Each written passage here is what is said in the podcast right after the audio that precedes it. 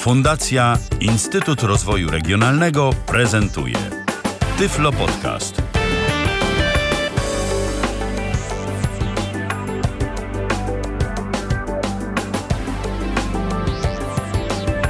Dobry wieczór. W kolejnym e, odcinku Tyflo Podcastu z cyklu Babie Lato. Witam serdecznie, Ala Witek. E, jak zwykle jest mi niezmiernie miło, że zechcieliście Państwo spędzić kolejny czwartkowy wieczór w naszym towarzystwie. E, to znaczy moim i moich dzisiejszych gości, którymi są Bożena Słowik, tyflopedagog. Witam Cię serdecznie, Bożeno. Witam serdecznie wszystkich, witam Cię, Alu. Drugim moim dzisiejszym gościem jest Michał Dziwisz. Witaj, Michale. E, witam również Ciebie, Alu, witam Bożenę oraz naszych wszystkich słuchaczy, którzy dziś będą przysłuchiwać się temu, o czym będziemy rozmawiać i mam nadzieję, że także swoje trzy grosze również do tej rozmowy dorzucą. Ja też mam taką nadzieję, ponieważ wydaje mi się, że temat jest wdzięczny. Zresztą też widać, że zajmuje często powiedzmy, nie wiem, umysły i emocje osób z środowiska ludzi niedowidzących i niewidomych. A mianowicie rozmawiać będziemy o różnych formach edukacji. Kiedyś, jak to wyglądało w przeszłości, jak to wygląda dziś. Posłużymy się takim uproszczonym schematem porównania edukacji w ośrodkach specjalnych i edukacji w szkołach masowych udostępnianych przez klasy integracyjne, ale i nie tylko. Chciałabym tutaj zachęcić Państwa do kontaktu, aby podzielili się Państwo swoimi doświadczeniami, tudzież swoimi przemyśleniami na ten temat, a można to robić na dwa sposoby.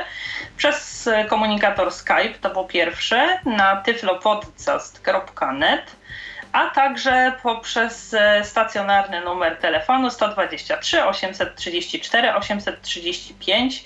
Serdecznie zapraszamy do kontaktu. A zatem, zanim przejdziemy do dyskusji już o konkretnych schematach edukacji, chciałabym, żebyśmy na początek opowiedzieli troszeczkę o tym, jak ta nasza edukacja przebiegała, na czym będziemy swoje doświadczenia i ewentualne, po, ewentualne porównania opierać. Może zaczniemy od Ciebie, Bożeno, gdybyś mogła w przybliżeniu parę słów na ten temat powiedzieć. Oczywiście, bardzo proszę. Moja edukacja rozpoczęła się od przedszkola masowego, czyli ogólnodostępnego. Następnie pierwsze trzy lata, czyli pierwszy etap edukacji, przeszłam przez też system ogólnodostępny w klasie masowej. Później już od klasy czwartej rodzice zdecydowali, że moją edukacją zajmą się przez nauczanie w ośrodku dla dzieci słabowidzących w Warszawie na ulicy Koźmińskiej. Byłam tam przez do aż ósmej klasy. Później już sama decydowałam, do jakiej szkoły chcę pójść dalej, więc wybrałam szkołę średnią, liceum zawodowe w Krakowie, także przy ośrodku dla dzieci niewidomych. No a później już wybrałam sobie kierunek studiów tyflopedagogika z racji tego, że zawsze podobała mi się praca, przyglądając się oczywiście swoim nauczycielom, podobała mi się praca z osobami niewidomymi. Dlatego wybrałam też ten kierunek, no ale wiadomo, studia to już są edukacją ogólnodostępną. Nie ma tam żadnych, że tak powiem, jakichś, że tak ładnie powiem, podanych na tacy metod Zwłaszcza, że Mhm. y, powiedzmy wtedy nie jest to jakaś zamierzchła przeszłość, ale wtedy, kiedy ty mm, studiowałaś, y, jeszcze y, szkolnictwo wyższe nie było na takim stopniu Nie, nie, nie, dostępności, na jakim Znaczy- jest dziś. To znaczy jeszcze by, były tam pewne uczelnie, że tak powiem. No wiadomo, Uniwersytet Warszawski był, był tym pierwszą taką perełką, że tak powiem, przez całe biuro y, dla osób niepełnosprawnych. Oni dużo naprawdę zdziałali, dużo stworzyli przez całe centrum edukacji też tam, w tamtejszej y, uczelni. Nasza uczelnia, mimo że była uczelnią no, przygotowującą nauczycieli y, w pedagogice specjalnej, y, tak naprawdę dopiero rozpoczęła. Rozpoczęła taką działalność właśnie na rzecz osób niepełnosprawnych. Pierwszym krokiem takim była oczywiście otwartość na to, że mogliśmy studiować na tej uczelni. No i też pewne metody, czy tam formy kształcenia, czy typowe, bardziej bym powiedziała formy egzaminu, które były proponowane, rzeczywiście były dostosowane dla nas e, jako forma oczywiście ustna, tak, że nie musieliśmy pod, podchodzić do egzaminów pisemnych. E, To było taki ukłon ze strony e, no, wykładowców, profesorów i tak dalej. To Ale... podobnie jak miało to miejsce na mojej uczelni, tyle że to już było troszeczkę później, ale właśnie też nie było mowy o tego typu e, jakichś e, sytuacjach, że adaptacje materiałów, czy też e, przygotowywanie sprzętu specjalnie, jakichś stanowisk, przy których mogłabym pracować i tak dalej. No ja, do, ja dopiero praktycznie, przepraszam, tak wejdę w słowo, ja dopiero tak naprawdę, gdy byłam na czwartym bodajże roku, czy piątym, no praktycznie już końcówka, to y, zauważyłam, że na przykład, nie wiem, w czytelni jest powiększalnik, czy właśnie jest możliwość y, skorzystania z jakichś tam powiększonych y, druków, ale kwestia ksero, więc to dopiero tak naprawdę no, była taka perełka, tak? czy taka początek, taka mała kropla w, potrzeb, które y, no, niestety osoby słabowidzące no, mają wiele. Y, ale Więc to dopiero się rozpoczęło. No i pierwsze, co nam się udało, to też tak za naszą przyczyną osób, które tam studiowały, to y, no takie wsparcie finansowe no właśnie do dostosowania tych wszystkich materiałów dydaktycznych, czyli poprzez jakieś tam stypendia, które zdobywaliśmy, które też ministerstwo wypłacało, ale też uczelnia, to za naszym namawianiem i proszeniem rektorów o to, żeby tym się zainteresowano, y, to dopiero zaczęło no tak się rozwijać. Jasne. To mhm. e, tyle, jeśli chodzi o Twoją ścieżkę edukacyjną, może no to teraz e, o swojej może Michale, Ty, jeśli możesz opowiedz w paru słowach. E, proszę bardzo. Ja, e, podobnie jak e, Bożena, swoją edukację rozpocząłem od e, masowego przedszkola, natomiast później w kolejnych latach edukacji to były również szkoły masowe. Szkoła podstawowa, sześcioklasowa, bo ja się załapałem na reformę edukacji. To był pierwszy rocznik, ten taki eksperyment eksperymentalny. Zresztą w ogóle mój rocznik 1986 y, to był taki rocznik, y, w którym bardzo na nas eksperymentowano intensywnie, bo to i była reforma edukacji, która wprowadzała gimnazjum i później był to też pierwszy rocznik obowiązkowy dla tej tak zwanej nowej matury. Więc y, ja przeszedłem zarówno przez masową podstawówkę, jak i gimnazjum, później liceum ogólnokształcące, także masowe. Natomiast wszystko zakończyło się studiami. No, tu już nie było wyboru, więc y, studia były jak najbardziej również tradycyjne. Ja skończyłem informatykę y, pierwszego stopnia. E, to ja na koniec swoje trzy grosze. E, tutaj u mnie, e, podobnie jak u Michała i Bożeny, kwestia przedszkola to było przedszkole masowe.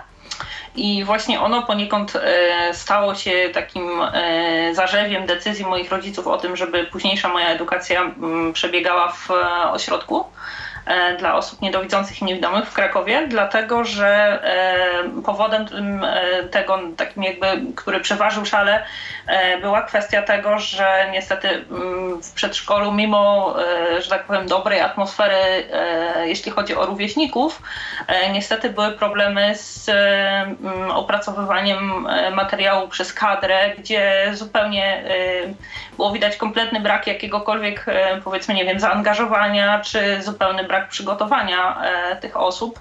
Oczywiście w żaden sposób to nie było ich winą, po prostu takie, a nie inne były realia i mm, to też e, rodzice po prostu zwyczajnie obawiali się, że jeśli podobna sytuacja mm, powtórzy się w szkole, e, może w pierwszych tam klasach jakoś dawałabym sobie radę, natomiast kiedy mm, będzie już tej nauki dużo i przedmiotów więcej i materiał coraz trudniejszy do opanowania, to mogę zwyczajnie może nie to, że nie poradzić sobie, tylko e, mieć duże braki na każdym etapie e, edukacji, a wiadomo, że braki na początku później kładą się cieniem na m, całej edukacji. To też e, zarówno szkołę podstawową, jak i liceum e, kończyłam właśnie przy ośrodku dla dzieci niedowidzących i niewidomych w Krakowie. E, to słuchajcie, mm, chciałabym zapytać Was o takie Wasze, bo oczywiście za chwilę rozwiniemy temat bardzo szczegółowo, ale mm, żeby wyjść do tej dyskusji, chciałabym zapytać Was o takie ogólne Wasze spostrzeżenia odnośnie mm, edukacji tej, e, nazwijmy kolokwialnie ośrodkowej, a edukacji tej e, w szkołach masowych. Jak oceniacie to e, dziś z perspektywy Waszej edukacji i tego, co widzicie na przykładach innych znanych Wam osób niedowidzących i niewidomych, które uczyły się albo w ośrodkach, albo w szkołach masowych? To może tym razem zacznijmy od Ciebie, Michał.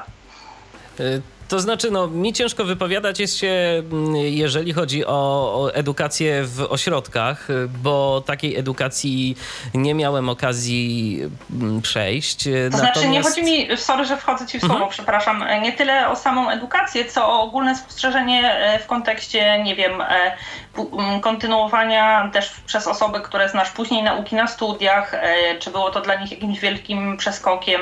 Oczywiście chodzi mi o, tutaj o Twoją subiektywną ocenę. Dobrze. dobrze. Czy późniejsze funkcjonowanie również w życiu jako osób dorosłych? Chodzi mi tak, o taką ogólną ocenę, jak te dwie formy edukacji Twoim zdaniem wpływają po prostu na funkcjonowanie i uczenie się też osób niedowidzących i niewidomych. Mam takie wrażenie, mm, że jeżeli chodzi o tą edukację ośrodkową, to w tym momencie jest większa szansa na nabycie różnych umiejętności w zakresie takiej rehabilitacji czy czynności życia codziennego, bo w momencie, kiedy jesteśmy w domu, y, gdzieś tam powiedzmy z rodziną, no to bardzo często jest tak, że jednak y, chcą powiedzmy członkowie rodziny nieco więcej za nas y, zrobić. Natomiast y, jeszcze co do edukacji samej, to wydaje mi się, że także w ośrodkach i to widzę już przez, y, i tego jestem akurat pewien, przez perspektywę swojej edukacji, na pewno kwestie związane z przystosowaniem materiałów dydaktycznych do mm, potrzeb osoby niewidomej, to mm, no, w ośrodkach jest zrobione zdecydowanie, zdecydowanie lepiej, bo ja tak wspominając swoje gdzieś tam ええ。Przypadki i swoje historie, szczególnie w klasach 1-3, kiedy to, mm, jak z pewnością większość naszych słuchaczy pamięta, trzeba było czytanek się uczyć, czytać. No to ja miałem y, pracę podwójną bo wracałem sobie do y, domu po lekcjach, y, musiałem czytankę przepisać, a później się jeszcze nauczyć czytać. Y, kończyło się zazwyczaj tym, że mi się nie chciało uczyć y, czytać, tylko ja się po prostu tych tekstów uczyłem na pamięć. To później problem wyszedł dopiero w trzeciej klasie, kiedy te teksty były za długie. I już nie dawałem rady ich się uczyć na pamięć. No tak, wtedy trzeba było przystąpić do tak. przyspieszonego tak. kursu czytania. Kursu czytania, tak? dokładnie. E, a jak to wygląda z Twojej perspektywy, Bożeno? Ty też możesz e, nieco mhm. mm, więcej powiedzieć e, w kontekście osoby, która jako mm, nauczyciel czy terapeuta widzenia pracowała i pracuje dziś również wspomagając w nauce mhm. osoby niedowidzące. Jak to wygląda z mm, Twojej perspektywy? To znaczy tak, na pewno tutaj Michał ma rację. Y, ośrodki są super przygotowane, naprawdę pod y, względem są kompetentne, jeśli chodzi o cały sprzęt y, dydaktyczny, cały sprzęt specjalistyczny, wszelkiego rodzaju pomocy i dostosowanie wszystkich materiałów. Tutaj naprawdę chylę czoła i tego zazdroszczę bardzo. I tego mi jest potrzeba. Bo szkolnictwo ogólnodostępne wiadomo, oni mają troszkę mniejszy zakres, tak powiem, nawet możliwości yy, prosić o dofinansowanie jakichkolwiek rzeczy, żeby szkoła, żeby klasa była także dostosowana w podobny sposób, jak yy, w, szko w, szkole takiej specjalist w ośrodku specjalistycznym y, dla dzieci niewidomych czy słabowidzących. Y, ja, ja uważam, że każda forma to jest naprawdę sprawa bardzo indywidualna. To jest tutaj to tak, na, tak naprawdę zależy wszystko od nas, naszych potrzeb, naszych możliwości przede wszystkim. Ale jak powiem o swojej edukacji, y, ja miałam takie szczęście, ponieważ no, ja uczyła, uczyłam się w szkole masowej y, w takich latach, y, w latach 80., więc jeszcze tak naprawdę osoby, w ogóle niepełnosprawność to była tak bardziej przechowywana, gdzieś tam zachowana, niepokazywana, więc pod tym względem ja miałam szczęście, miałam nauczycielkę, która już też świętej pamięci kobieta, y, która y, interesowała się bardzo moim problemem, moim problemem wzrokowym. Osobiście jeździła nawet z nami do okulisty z moimi rodzicami, dopytywała się, chodziła do poradni, kiedyś nazywały się te poradnie y, wychowawczo-zawodowe obecne pedagogiczne, psychologiczne, więc ona była zainteresowana problemem i ja naprawdę na tamte czasy miałam dostosowaną klasę. Miałam dostosowane wszystkie, wszelkie formy i metody pracy dla osoby słabowidzącej, nawet do tego stopnia, że miałam osobną ławkę. W momencie, kiedy było przepisywanie z tablicy, to ja mogłam sobie usiąść przed, przy tablic, pod tablicą tak naprawdę. Miałam osobny stolik, którym sobie tam siadałam. Tak, siedziałam z dziećmi w klasie w ławce, pierwszej oczywiście, ale w momencie, kiedy przepisywałam, przechodziłam do swojej ławeczki, która była przed tablicą. Następnie na przykład kwestia, bo ja mam silny światłowstręt, więc kwestia zasłaniania okien, y, wszelkiego źródła światła, które mi przeszkadzało, zawsze było to eliminowane. Y, jedyne co tak, no nie wiem, no Michał tutaj naprawdę chylę czoła przed tobą, ale jedyne co mnie drażniło, bo to też jest kwestia charakteru, taki klosz nade mną. To mnie bardzo męczyło swego czasu i to mi się nie podobało. Że tak dopytam, klosz w domu czy klosz w szkole? Nie, klosz w domu to też fakt, ale klosz y, taki w szkole. Ja miałam na to piekuńczą troszkę tą moją panią. Więc tu z jednej strony fajnie, bo była zainteresowana problemem, y, naprawdę starała się wszystko dostosować do moich potrzeb, ale tak też właśnie w ten sposób bardziej wyręczając, więc to mnie troszkę męczyło, bo to było niezgodne z, też troszkę z moim charakterem, więc yy, to, z tej strony to było takie niefajne. Na przykład typu nie, nie mogłam sobie czasem wychodzić na przerwę, tak?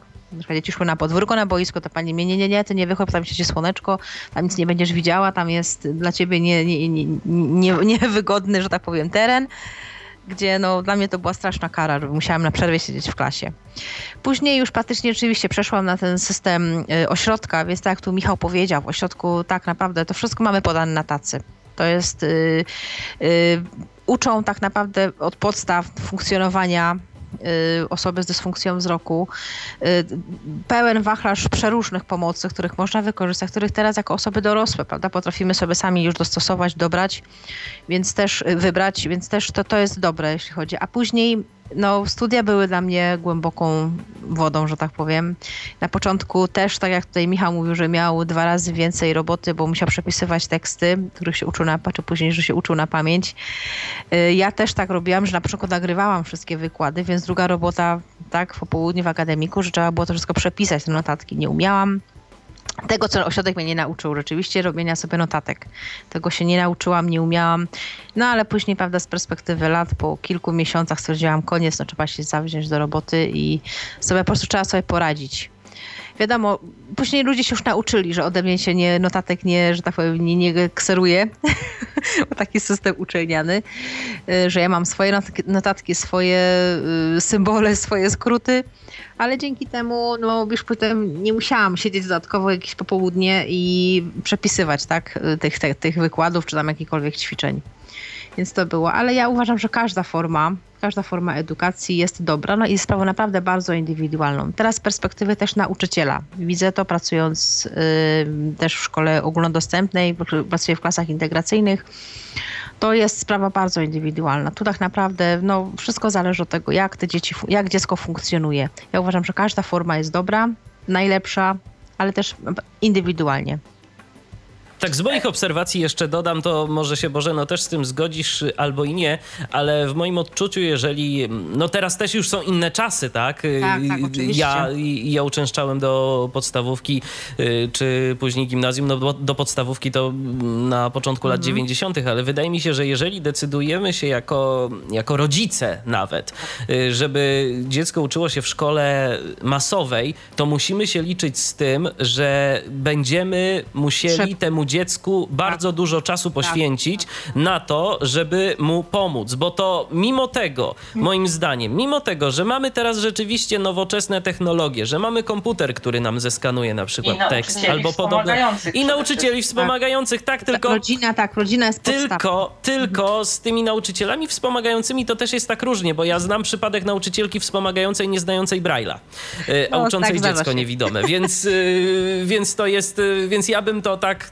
nie brał tego tak bardzo, tak bardzo na serio, że nauczyciel wspomagający zawsze i wszędzie nas we wszystkim wyręczy.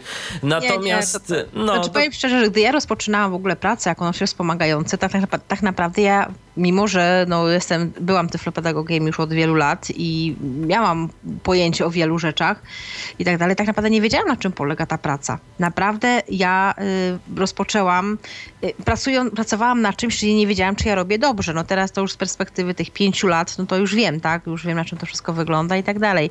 Wiem, na ile, co to znaczy pomóc, co to znaczy wyręczyć, y, nie wiem, czy dostosować, to, to, to, to jest już zdecydowanie, ale tu masz rację, tak? Nie każdy nauczyciel jest do tego przygotowany, niestety niestety. Więc to się po prostu trzeba liczyć z tym, czy, tak. czy będziemy w stanie... Tylko mówię, chylę czoła przed tobą, przed twoimi rodzicami, naprawdę, którzy się podjęli, ponieważ no ja miałam taką sytuację, że ja jestem piątym, rodzic, piątym dzieckiem moich rodziców, więc tak naprawdę y, no oni zawsze nas było dużo w domu, musieli pracować obydwoje i mama i tata, więc nie mieli czasu właśnie na to, poświęcić mi ten czas, y, żeby, żeby, później, żeby dalej kontynuować naukę w szkole masowej. Mój brat, notabene też jest y, osobą słabowidzącą, kończył 8 klas. On w ogóle nie, nie przyznawał się do tego, że jest osobą z jakąś dysfunkcją, gdzie to było widać z daleka, ale ogólnie rzecz biorąc, no on sam, do, sam przed sobą, tak? Zawsze mówił, że on sobie poradzi. No i rzeczywiście sobie poradził, ale to była jego determinacja. Tak naprawdę no, pomoc jedyna to z strony mamy czy taty to właśnie ucz się, tak? Bo trzeba nie, mieć wykształcenie, tylko motywacja. Tak naprawdę rodzice jako tak, no nie było czasu na takie jakieś tam pomaganie.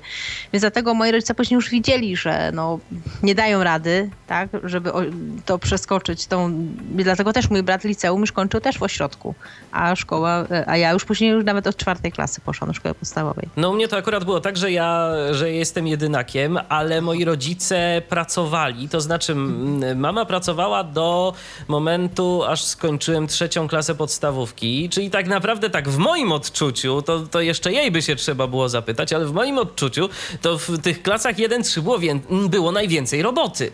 Najwięcej, Bo, tak, tak, najwięcej roboty, mimo tego, że tam no, w zasadzie no, to się uczyło takich, y, takich podstaw, absolutnych podstaw, ale tego naprawdę tam było mnóstwo. No a później już właśnie miała okazję przejścia na wcześniejszą emeryturę, więc y, z tego skwa, skwapliwie skorzystała i później właśnie no, pracował jedynie tata, chociaż on też musiał się y, niekiedy napracować, na przykład robiąc jakieś tam pomoce dydaktyczne mhm. dla mnie, no bo przecież u nas w szkole nie było, nie było, fizycznie ani jednej pomocy, które, która byłaby jakby zorganizowana przez szkołę. To wszystko albo robili nauczyciele własnym sumptem. Pamiętam, że na przykład pani od geografii y, w czwartej klasie y, z plasteliny lepiła mi jakieś różne formy ukształtowania terenu, jakieś tam góry, doliny, kotliny. No, to brawo. Y, brawo Nauczyciel, pani. Tak, wpadła na to. Pani brawo. nauczycielka od matematyki, która po prostu no, robiła wręcz na głowie wstawała, żebym ja y, pojął geometrię i ja powiem szczerze, że ja tą geometrię naprawdę bardzo, bardzo pojąłem i bardzo ją, y, i bardzo polubiłem zresztą tą geometrię, bo mhm. ile my czasu spędziliśmy gdzieś tam rysując różne rzeczy na jakichś, nie wiem, gumowych wycieraczkach, foliach od mleka i, po, i organizując sobie taką metodą chałupniczą różne pomocy dydaktyczne, no to, to, to naprawdę jest y, bardzo ciekawa rzecz tak? i chyba temat na jakąś, nie wiem, książkę. ale to naprawdę trafiłeś y, bardzo na taką fajną kadrę, że tak powiem, która chciała, bo najgorzej jeszcze jest w tym, że jeżeli y, grono, które no, podejmuje się y, tego, że dobra, no to przyjmujemy dzieci niepełnosprawne w szkoły masowej, ale tak naprawdę nie chcą być przygotowani. O, to ja tutaj to jest... pozwolę sobie e, takie swoje spostrzeżenie, bo wtrącić w kontekście takim, że E, ja bardzo wiele osób, które znam, e, z tych, które, no bo jeśli cała moja e, edukacja przebiegała w ośrodku, tak, to kojarzę osoby i przychodzące, że tak powiem, od pierwszych klas szkoły podstawowej i w trakcie i osoby, które przychodziły do liceum. Niestety była kwestia taka, że bardzo wiele z tych osób trafiało do szkół masowych. Nie wiem, jak to wyglądało z kierowaniem ich przez poradnie, czy jakoś doradzały, że jednak ta osoba sobie poradzi, czy nie były w stanie, mm, że tak powiem, należycie ocenić, y, na ile ubytek tego wzroku będzie niekorzystnie wpływał na tą edukację w szkole masowej, ale y, bardzo częste były takie przypadki, że właśnie ktoś trafiał do szkoły masowej, gdzieś w tej szkole tam tak sobie, no nieładnie mówiąc, zimował w kontekście takim, że przechodził nic z klasy do klasy. Chcieli. Tak, nic od niego nie chcieli, generalnie gdzieś było trzeba napisać jakieś wypracowanie, to tam z pomocą rodziców, jakieś cytaty z książek, E, były znalezione, była jakaś matematyka, no to w sumie e, te rysunki to już tak nie za bardzo, no bo gdzie tam niewidomy będzie rysował, czy była geografia, no to już skąd tutaj wziąć mapę i tak dalej, i tak dalej. I e, generalnie owocowało to tym, że naprawdę bardzo wiele z tych osób e, trafiało gdzieś tam do nas, do ośrodka, powiedzmy na poziomie klasy piątej, szóstej, siódmej, czasami ósmej, e, nie mając takiej elementarnej wiedzy, którą osoba nawet e, powiedzmy zdrowa, która niekoniecznie chciałaby się uczyć, wiecie, jakby nabywa mimochodem, tak? Bo siedzi na tej lekcji, widzi tą mapę, tam nudzi się, bazgrze sobie coś w zeszycie, ale gdzieś no, tam ale, kątem... Ale wiesz, to jest to też wina społeczeństwa też, ponieważ tak się często niestety zdarza, że jak jest niewidomy, to czyli, że głupi. No przepraszam, ale takie niestety się spotkałam też z wieloma takimi sytuacjami, nawet e, rodzice i tak, ale tak, to że, były że naprawdę inteligentne osoby i mhm, takie mhm. powiedzmy sobie, nie wiem, bardzo otwarte, nie mające problemu z nawiązywaniem e, jakichś tam relacji interpersonalnych i tak dalej, i tak dalej, więc po prostu aż, y, no mówiąc tak powierzchownie, no dziw brał, że nikt po prostu przez te tam 4, 5 czy 6 lat, to też były osoby, które trafiały do nas e, do liceum, później e, chyba już faktycznie kierowane przez, przez tą poradnię szkolną, i widać było, że te braki po prostu ciągnęły się za nimi przez całe lata. Ja e, nie mówię oczywiście tego z perspektywy osoby, która e, sama w swojej edukacji nie ma żadnych luk e, gdzieś tam powiedzmy w, w tej wiedzy szkolnej, tak? Bo mm, natomiast chodzi o taką kwestię, mm, że ewidentnie z nawet takich najbardziej pobieżnych obserwacji wynikało, że właśnie nierzadko to były braki wiedzy takiej po prostu elementarnej, więc y, mhm. tutaj myślę, że i zawiodły trochę te poradnie e, szkolne i może mm, właśnie ta kadra pedagogiczna i też myślę, że rodzice... Nie mają przykład, przygotowania. Tak? Często też rodzice mogli się, że tak powiem, no, upominać, tak, no przepraszam, dlaczego pani nie pyta mojego dziecka, przepraszam, dlaczego pani, on nie pisze sprawdzianu, czy dlaczego, nie wiem, nie bierze udziału w lekcji, no ale też rodzice się nie odzywali, no to w tym momencie też, no, no tak. tak dziecko zostawione same sobie, że tak, naprawdę. Tak, tak. Ja znam y, chłopaka, który przez całą szkołę podstawową swoją pisał na maszynie, E, i na maszynie czarnodrukowej sobie mhm, notatki mm, mm, i wszystko było ok, bo pisał. A to, że nie potrafił tego przeczytać i że nie no potrafił właśnie. się później z tych mhm. notatek uczyć, to już zupełnie nikogo nie interesowało. I tak całą szkołę podstawową e, po prostu przeszedł. Tak? Skoro Alu o notatkach mówisz, to mi się teraz tak przypomniało, że tak na dobrą sprawę z notatkami to ja miałem o wiele prościej niż yy, moi, równieś, moi rówieśnicy w klasie i do tego stopnia to było, że w ramach wyrównania szans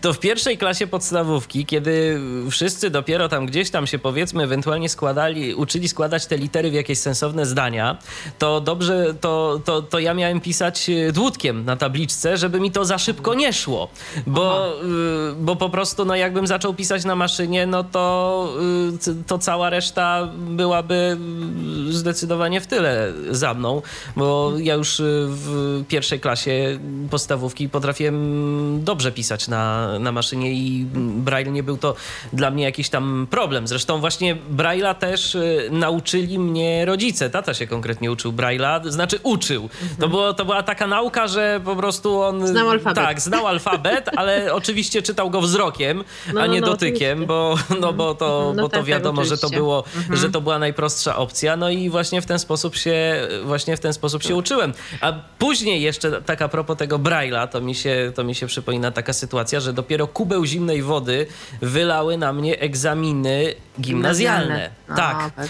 I ja po prostu, ja się w końcu zdecydowałem na pisanie testu z lektorem yy, gimnazjalnego, mm -hmm. bo jak ja zobaczyłem te testy, zobaczyłem jak tam jest to wszystko popisane, okazało się, że do matematyki to jest w ogóle w Braille'u jakaś notacja, mhm. o czym my nie mieliśmy pojęcia i stworzyliśmy sobie swoją własną.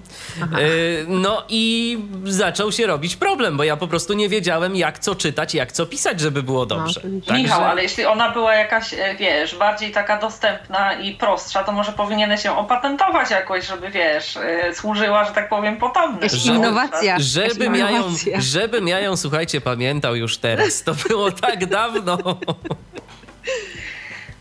E, no tak, ale mm, ja tutaj jeszcze, że tak powiem, z takich e, spostrzeżeń e, odnośnie edukacji w ośrodkach, to mm, mam taką, mm, nie, nie wiem na ile to jest słuszne, ale wydaje mi się, że w klasach 1-3 też dobremu edukowaniu dzieci służy to, że te klasy są naprawdę bardzo mało liczne.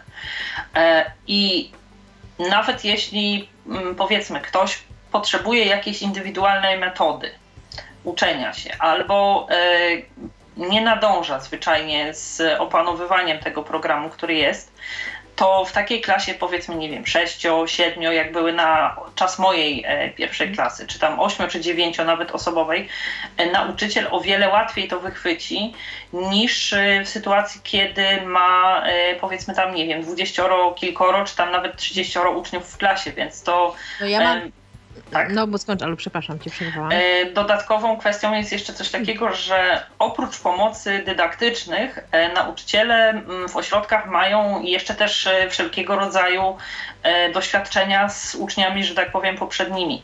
Dla nich nie jest niczymś nowym, że jeden potrzebuje, tak jak ja na przykład, do wszystkiego bardzo dużo światła, bo im więcej tego światła ma, tym lepiej widzi, a druga osoba, tak jak Bożena, na przykład ma problem z tym, że nadmiar światła utrudnia jej czytanie, pisanie, czy tam cokolwiek innego.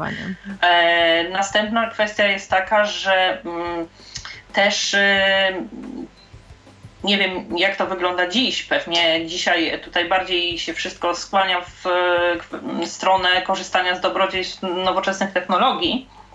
E, mhm. Natomiast ja pamiętam, do matematyki miałam specjalne zeszyty w taką ogromną kratę. E, do e, jakichś tam robienia notatek miałam żółte kartki z czarnymi liniami, ponieważ taki kontrast był dla mnie lepszy. Mm -hmm. I tutaj nauczyciel, że tak powiem, potrafił zwrócić uwagę na te moje indywidualne potrzeby, gdzie na pewno, jestem o tym przekonana, w szkole masowej nie tyle, że ktoś nie zwróciłby uwagi na, na te potrzeby, tylko myślę, że mm, z braku doświadczenia E, wynikałoby to, że nie miałby pomysłu, jak e, ten konkretny problem rozwiązać. Tak? A tutaj e, było już jakby mm, pewnie nie jedna taka osoba im się trafiła, więc po prostu Poza tym w ośrodkach ludzie to, znaczy tak, będąc w ogóle nauczycielem, gdzieś pracując z dziećmi niewidomymi, musisz być tyflopedagogiem i na tyflopedagogice tego tak naprawdę uczą, nie?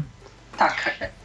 Więc Jeszcze taki... kwestia taka, że w momencie, kiedy e, na skutek wypadku m, mm, straciłam m, mm, mhm. lepsze ze swoich oczu, e, m, mm, jakby były osoby gotowe przetestować e, świadome, jak, jak to zrobić, żeby sprawdzić, żebym nie marnowała kolejnych lat e, w tej klasie czarnodrukowej. E, i mm, zdecydowały o tym, żeby jednak przestawić mnie na Braille'a, bo ponieważ e, zostało mi już to jedno i to gorsze, więc e, szkoda byłoby go jakoś tam nadwyrężać, a jeszcze nie dawałoby to właściwych efektów w kontekście uczenia się, tak? Mhm. Więc myślę, że takie kwestie też są ważne, że nauczyciel na przykład w szkole właśnie tej przyośrodkowej prędzej zwróci uwagę na to, że uczniowi się, nie wiem, wzrok pogarsza, albo że dochodzą jakieś dodatkowe schorzenia, y, schorzenia które mu utrudniają e, naukę. Tak, właśnie przez to, że ma cały wachlarz doświadczeń podobnych. Ja mam takie dwie refleksje, Alu, do tego, o czym e, powiedziałaś. Pierwsza rzecz to mówiłaś o tych nowoczesnych technologiach. Oczywiście, one pomagają bardzo, natomiast e, ze swoich doświadczeń powiem tak, jest kilka przedmiotów, których ja sobie średnio wyobrażam, aby je realizować e, za pomocą jakiegoś na przykład notatnika elektronicznego czy komputera. To jest przede wszystkim matematyka, do tego jeszcze dochodzi fizyka czy chemia. E, obliczanie jakichś różnych rzeczy, rozwiązywanie zadań, szczególnie jakichś naprawdę zaawansowanych czy, czy jakichś przestrzennych. Nawet wiesz co, nawet nie to może, no tylko mi bardziej chodzi, tylko mi bardziej chodzi, powiedzmy, masz jakiś tak zwany piętrowy ułamek, tak? No prosta no rzecz. Tak, piętrowy tak, tak. ułamek. I teraz ja zdecydowanie wolę no chyba, że ktoś ma bardzo dobrą pamięć. No mi się ona później, jak się już nie musiałem tych tekstów na pamięć uczyć, to mi się trochę pogorszyła. Ale, ale jak y, mm, powiedzmy mamy linijkę brajlowską, tak, przy komputerze i to jest tam jakieś mhm. 18 znaków. ten ułamek jest zdecydowanie większy, to ja naprawdę o wiele bardziej wolę Oczywiście. mieć go rozpisanego na kartce Oczywiście. i mieć to mhm. w wyobraźni takiej przestrzennej, wiedzieć, że o tu jest licznik, tu jest mianownik, tu jest ta kreska, to teraz to trzeba zrobić tak, tak, tak, tak i tak, żeby sobie to, żeby sobie to policzyć. Więc nowoczesne technologie, naprawdę, jeżeli chodzi o te przedmioty humanistyczne, owszem, zgoda, Super. to jest świetna rzecz. Zeskanujemy sobie teksty, przeczytamy. Natomiast y, zdecydowanie wydaje mi się, że w kwestii przedmiotów ścisłych to jest stary, dobry braille. Ja pamiętam, że na przykład w ogólniaku, mimo tego, że miałem już y, notatnik y, brailleowski, to na jakieś sprawdziany czy jakieś tam takie bardziej zaawansowane rzeczy z matematyki. Ja zawsze brałem maszyny. Ja wolałem sobie to rozpisać wszystko na kartce i mieć mhm. do tego lepszy dostęp. Ja się z Tobą, Michał, zgodzę, ale tylko po części. To znaczy w kwestii tych przedmiotów takich nie całkiem humanistycznych, bo też inne rzeczy miałam na myśli, mówiąc o dostępie do nowoczesnych technologii. Popatrz, jest kwestia taka, że na przykład zmieniają się mapy, tak? Bo tam tutaj, nie wiem, jak na przykład po jakimś tam rozpadzie ZSRR, czy po rozpadzie Jugosławii i tak dalej. My w szkole mieliśmy stare mapy, które po prostu były e, z tym starym podziałem, tak? E, a dziś obojętnie w jakim zakątku świata, tak, jaki rejon e, świata chciałby pokazać nauczyciel na geografii, e, on nawet jeśli nie dysponuje tymi mapami brajlowskimi, ma możliwość, nie wiem, czy to na jakimś wypukłym papierze, czy na czymś wydrukowania sobie tego. Oczywiście, tak samo jak chodzi o powiedzmy, nie wiem, podział, tak jak mówiłeś, że tam pani ci wyklejała z plasteliny góry inną fakturą, jakieś tam doliny inną i tak dalej, i tak dalej. Tutaj też to może być pomocne przy obrazowaniu takich rzeczy jak e, jakieś, nie wiem, wiązania chemiczne czy coś takiego. E, skończywszy na tej twojej ulubionej geometrii, gdzie tutaj e, my jakieś tam, powiedzmy, nie wiem, mieliśmy figury przestrzenne w formie takich drewnianych klocków, jakieś ostro czy grania stosłupy a w dzisiejszym czasie po prostu można dowolną ilość y, sztuk tam wydrukować, y, wiesz, w dowolnym wymiarze, mniejsze, większe. Druk 3D też y, tak, przecież tak, wchodzi tak. pod strzechy i te urządzenia są coraz tańsze, a że coraz więcej osób jest tym zainteresowanych, to oczywiście. Tak, ja się zgodzę, tylko ja po prostu chciałem powiedzieć w takiej kwestii tej technologii, żeby jeżeli ktoś nas będzie słuchał, to żeby mm, szczególnie myślę tu o rodzicach na przykład y, jakichś niewidomych uwagę, dzieci, tak? tak? żeby wzięli to pod uwagę, że technologia, że komputer nam naprawdę nie, nie zastąpi w niektórych, tak w niektórych kwestiach. To będzie naprawdę duża pomoc, ale to nam wszystkiego nie zastąpi i trzeba będzie mimo wszystko z tym dzieckiem posiedzieć i szczególnie w tych przedmiotach ścisłych trochę rzeczy wytłumaczyć. A naprawdę też bardzo dużo zależy od kadry i zaangażowania tej kadry. Oj. Tak. tak. Y, I trzecia rzecz, o jakiej chciałam powiedzieć w kontekście ośrodków, to jeszcze nie tyle, to znaczy po pierwsze właśnie tak jak mówiliście, dostęp do tych y, pomocy dydaktycznych, po drugie e, odpowiednio przygotowana kadra i, i, która ma nie tylko, że tak powiem, mm, odpowiednie kwalifikacje, ale też e, ogromne doświadczenie, e, to znaczy w sensie szerokie, tak, z różnego rodzaju schorzeniami i stopniem e, rehabilitacji swoich uczniów ma do czynienia.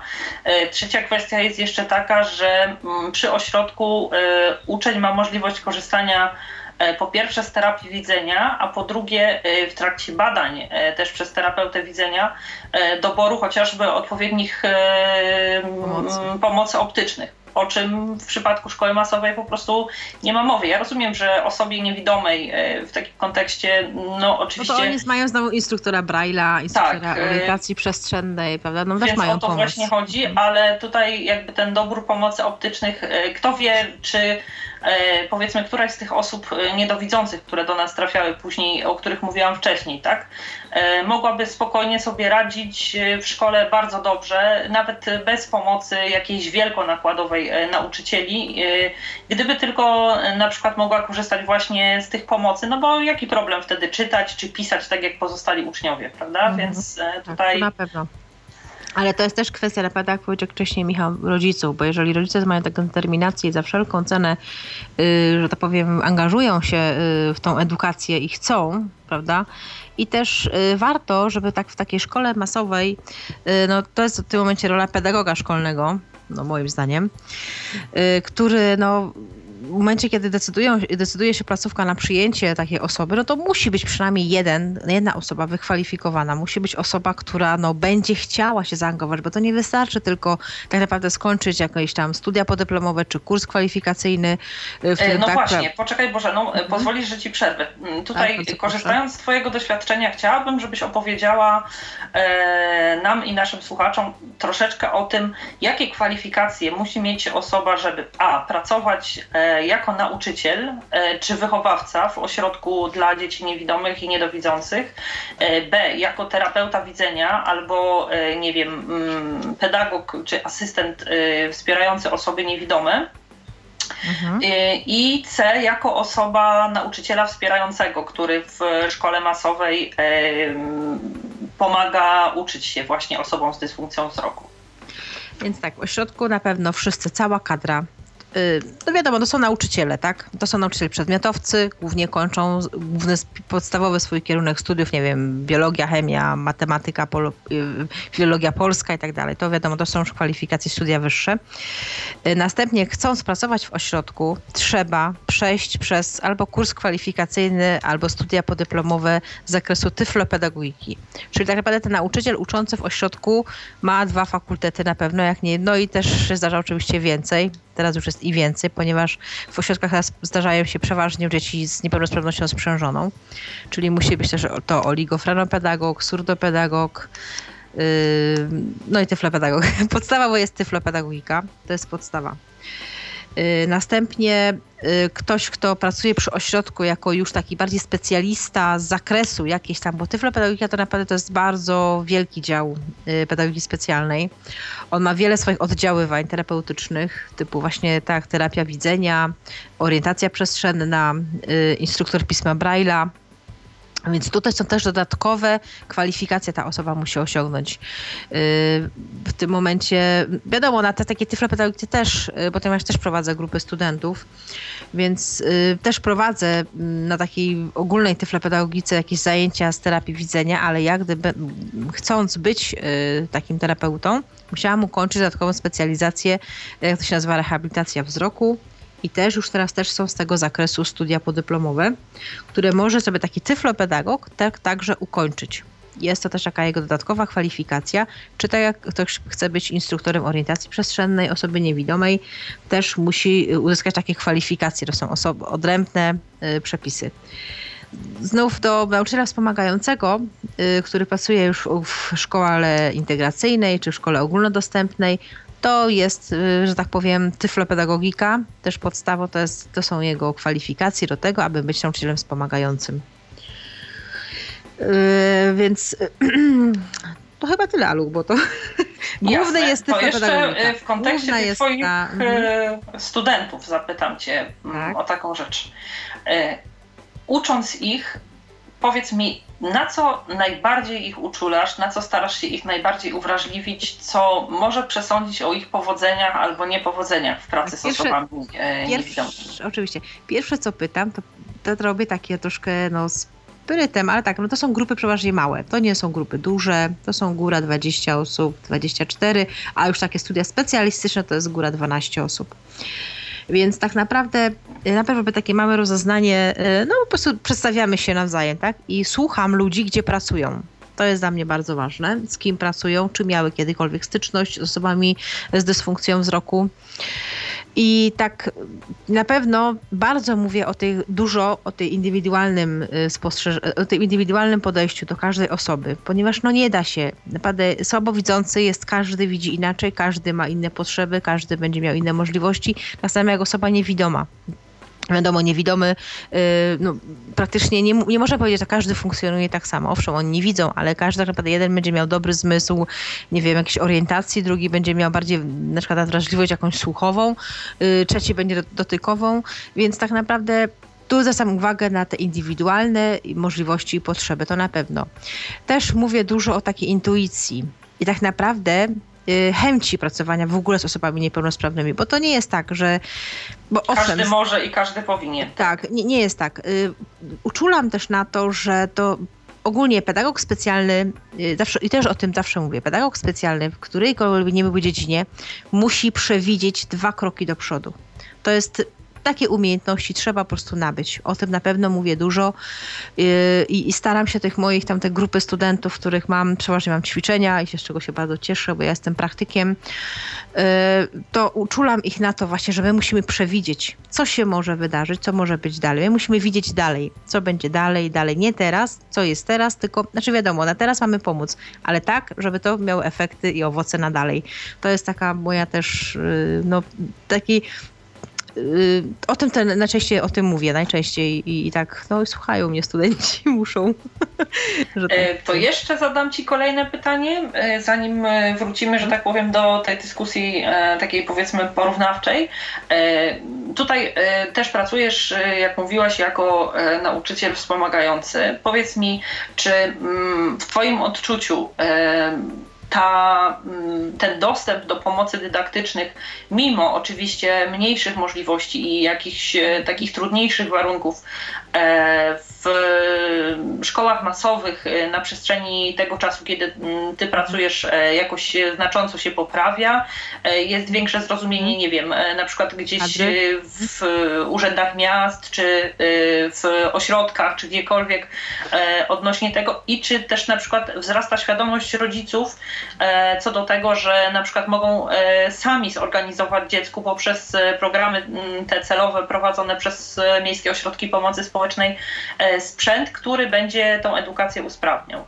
Tak, na pewno ja jako tyflopedagog pracując w takiej szkole muszę o tych wszystkich programach wiedzieć i staram się być na bieżąco, że tak powiem.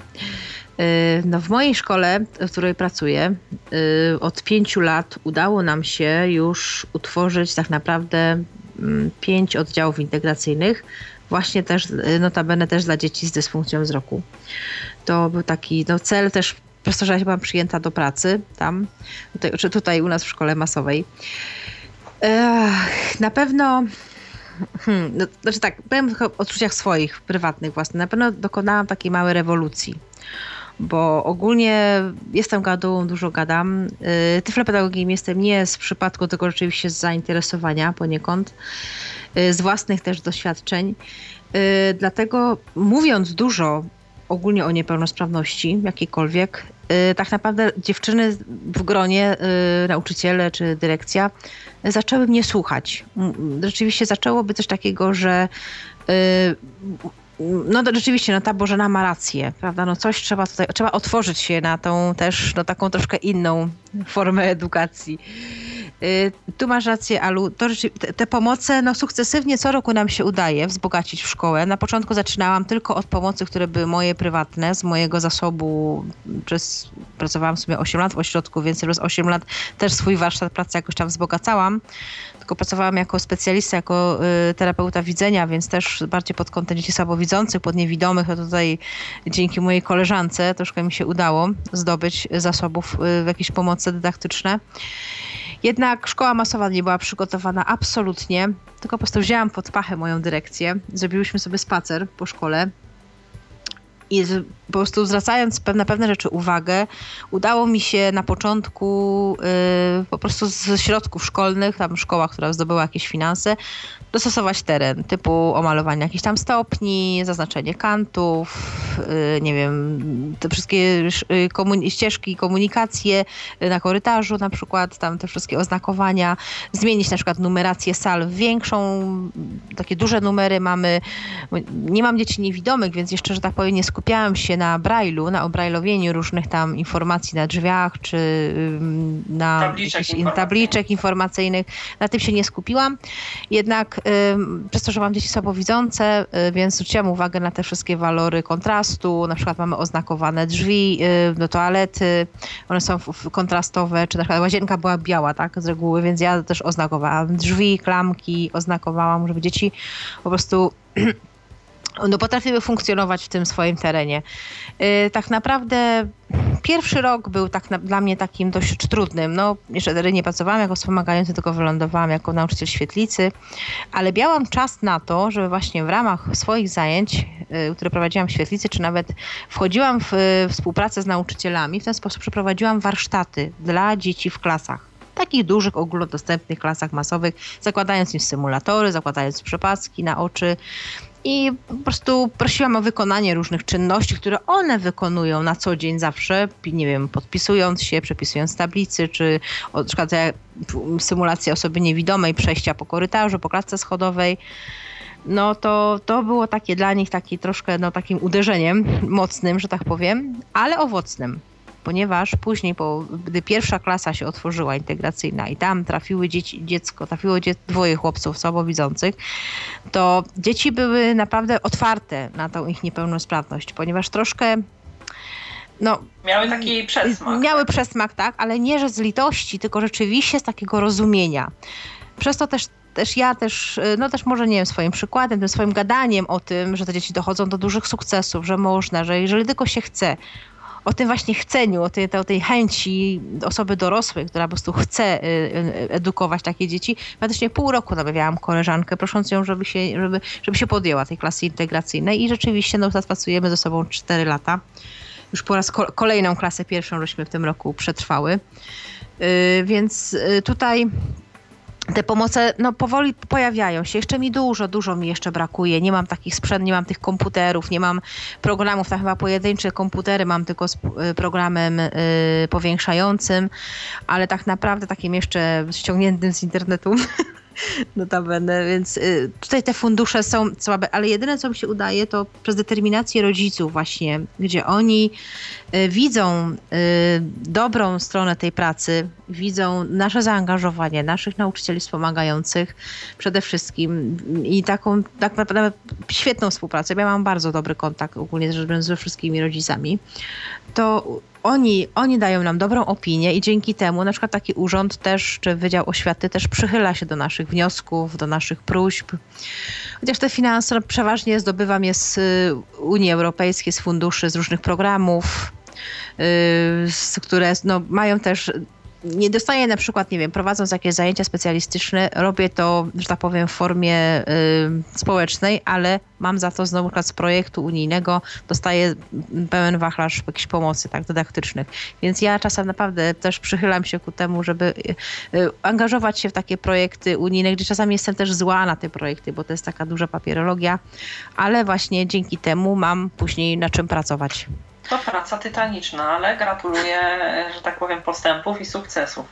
E, słuchajcie, to teraz e, przejdziemy, no bo e, edukacja to raz, ale kwestia, nie wiem, samodzielności, rehabilitacji takiej społecznej i w zakresie kontaktów interpersonalnych, i w zakresie postrzegania własnej niepełnosprawności, i w kontekście samodzielności i tak dalej, i tak dalej, to nie tylko szkoła to także e, w przypadku osób pozostających w ośrodkach internat, a w przypadku osób uczęszczających do szkół masowych dom. E, dom.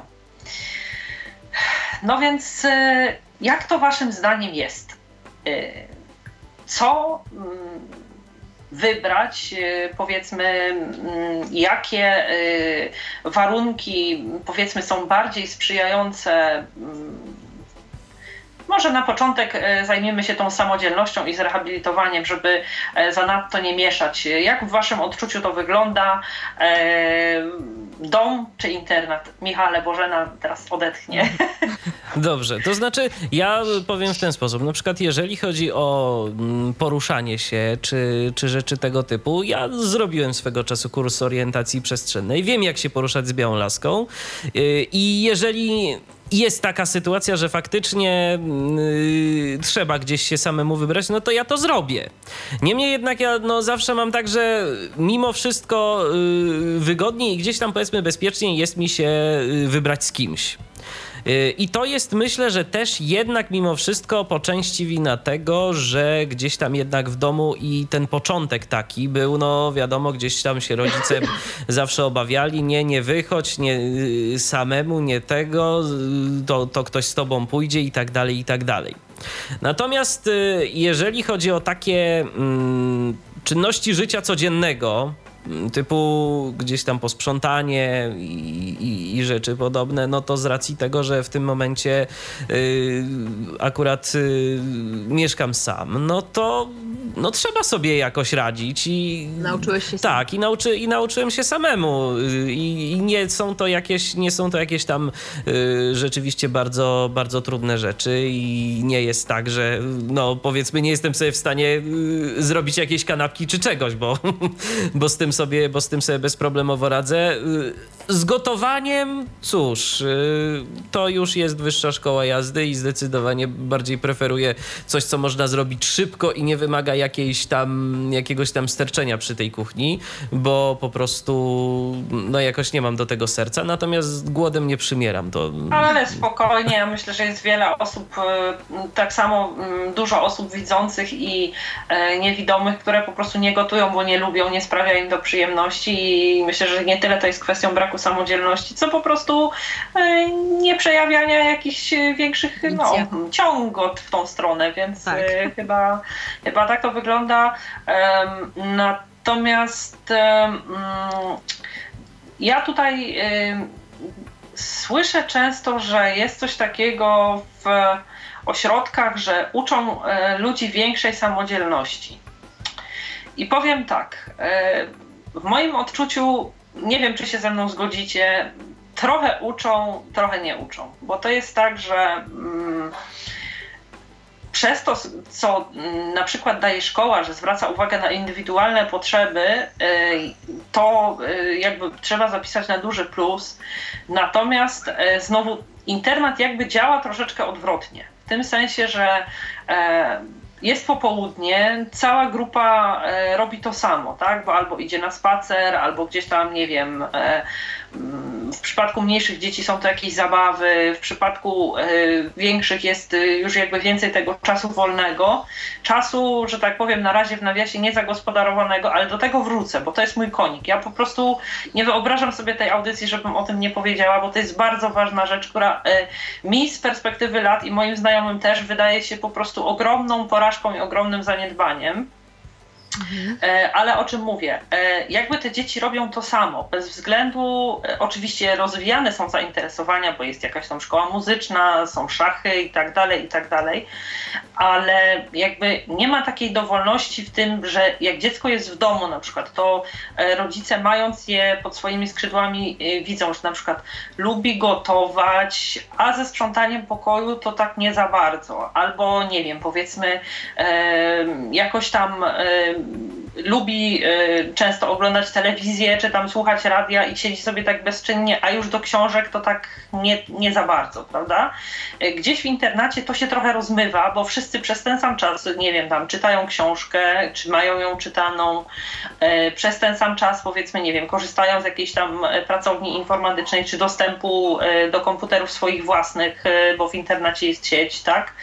I trochę gdzieś wydaje mi się, że po pierwsze przez to, że właśnie jest taka, no jakby brzydko mówiąc, urawniłowka, a po drugie przez to, że ten czas nie jest zagospodarowywany indywidualnie, jakieś pojedyncze predyspozycje w ludziach zanikają. E, zanika też taka jakby chęć do robienia czegoś jakby osobno. E, oczywiście na to też rzutuje to, że mieszka się w pokojach kilkuosobowych, prawda? No i cała domach, organizacja całego systemu. Tak, też bo w domach nawet jeśli masz rodzeństwo, tak, jest tam jeszcze powiedzmy prócz ciebie brat czy siostra i tak dalej, to jednak jest tak, że nawet jeśli są w domu powiedzmy dwie dziewczynki, to mieszkają razem, jeden chłopiec mieszka razem. No i to jest najwyżej mieszkanie w pokoju na co dzień z drugą osobą, tak? Nie, rzadko jest tak, że w domu ktoś tam mieszka, nie wiem, w czwórkę w jednym pokoju, prawda?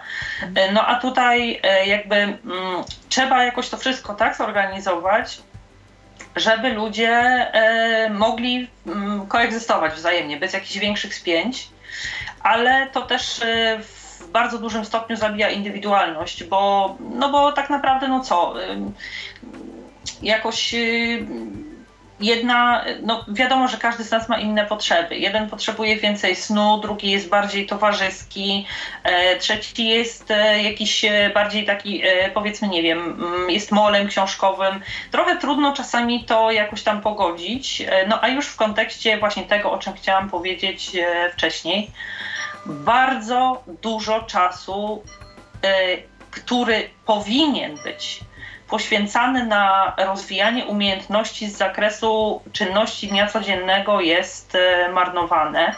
I to jest tak naprawdę jedyna rzecz, którą ja dziś z perspektywy lat oceniam źle, jeśli chodzi o ośrodki.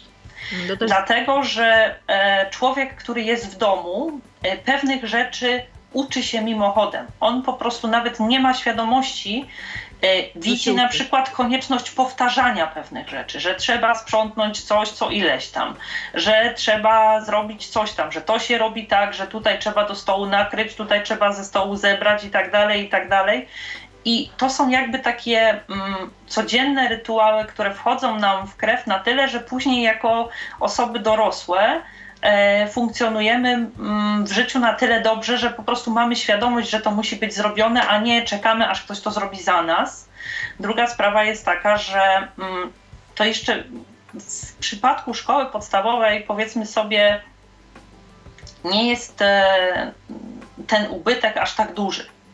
Ale w przypadku liceum ja nie widziałam takiej sytuacji, żeby na przykład e, ktoś z wychowawców zaproponował, e, nie wiem, chłopcom, że nauczy ich, jak powinni prasować swoje koszule, mhm. jak powinno się na przykład, nie wiem, składać swetry, jak powinno się prać takie rzeczy, śmakie rzeczy i tak dalej, i tak dalej w pralce, tak, że tak trzeba dzielić, że takie mhm. materiały to tylko idą na pranie ręczne i tak dalej, i tak dalej, i tak dalej takich rzeczy nie było. Nawet jeśli były jakieś e, z zakresu powiedzmy gospodarstwa domowego, to zamiast właśnie uczyć ludzi takich prostych i przydatnych rzeczy, jak zrobić sobie, nie wiem, kanapki, jajecznice, jakieś proste rzeczy, to robiło się takie durnoty, piekło się ciasta, robiło zapiekanki albo hot dogi. Przecież to nie jest y, w moim odczuciu dobrze, świetnie jest umieć po prostu upiec ciasto i tak dalej, tylko że w życiu codziennym wydaje mi się, że są bardziej potrzebne rzeczy niż to, żeby wiedzieć, jak się robi jabłecznik, prawda? A z drugiej e... strony, ile mm, czasu można jeść hot dogi? To też.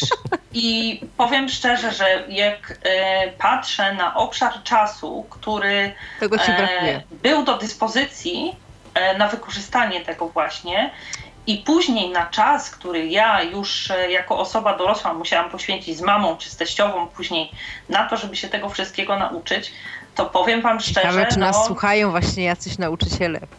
E, no wiesz, myślę, że nawet jeśli słuchają, ja nie. nie Ale bardzo dobrze by było. Tak, ja też myślę, że dobrze by było. Ja myślę, że to nie tyle jest wina konkretnych osób, ich lenistwa czy czegoś, nie, tylko, tylko po prostu obowiązującego też. Mhm. systemu, tak, tak który tak. w tej materii akurat myślę, że wymaga zmian i to zmian gruntownych. To... Pytanie, czy, pytanie, czy wiecie, czy ten system się nie zmienił w międzyczasie? Jeżeli nie, tak to nie, było, nie, nie, nie, nie. Tak, to w drugą dobrze. stronę bym powiedziała. A, no to, to, to tak źle. zmienił.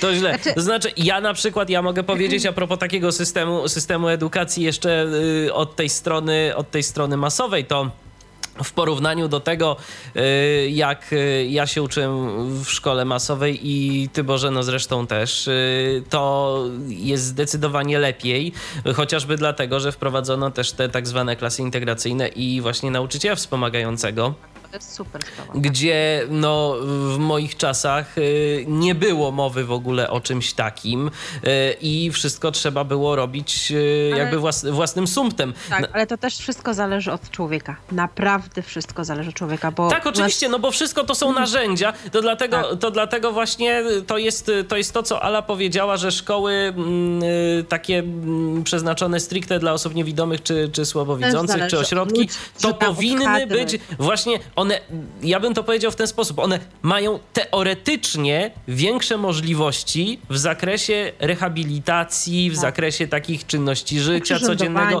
i podobnych rzeczy. To jest teoria. A jak kto wykorzysta praktykę, to naprawdę to jest wszystko Niestety, kwestia czynnika ludzkiego. Zależy. Niestety, tak.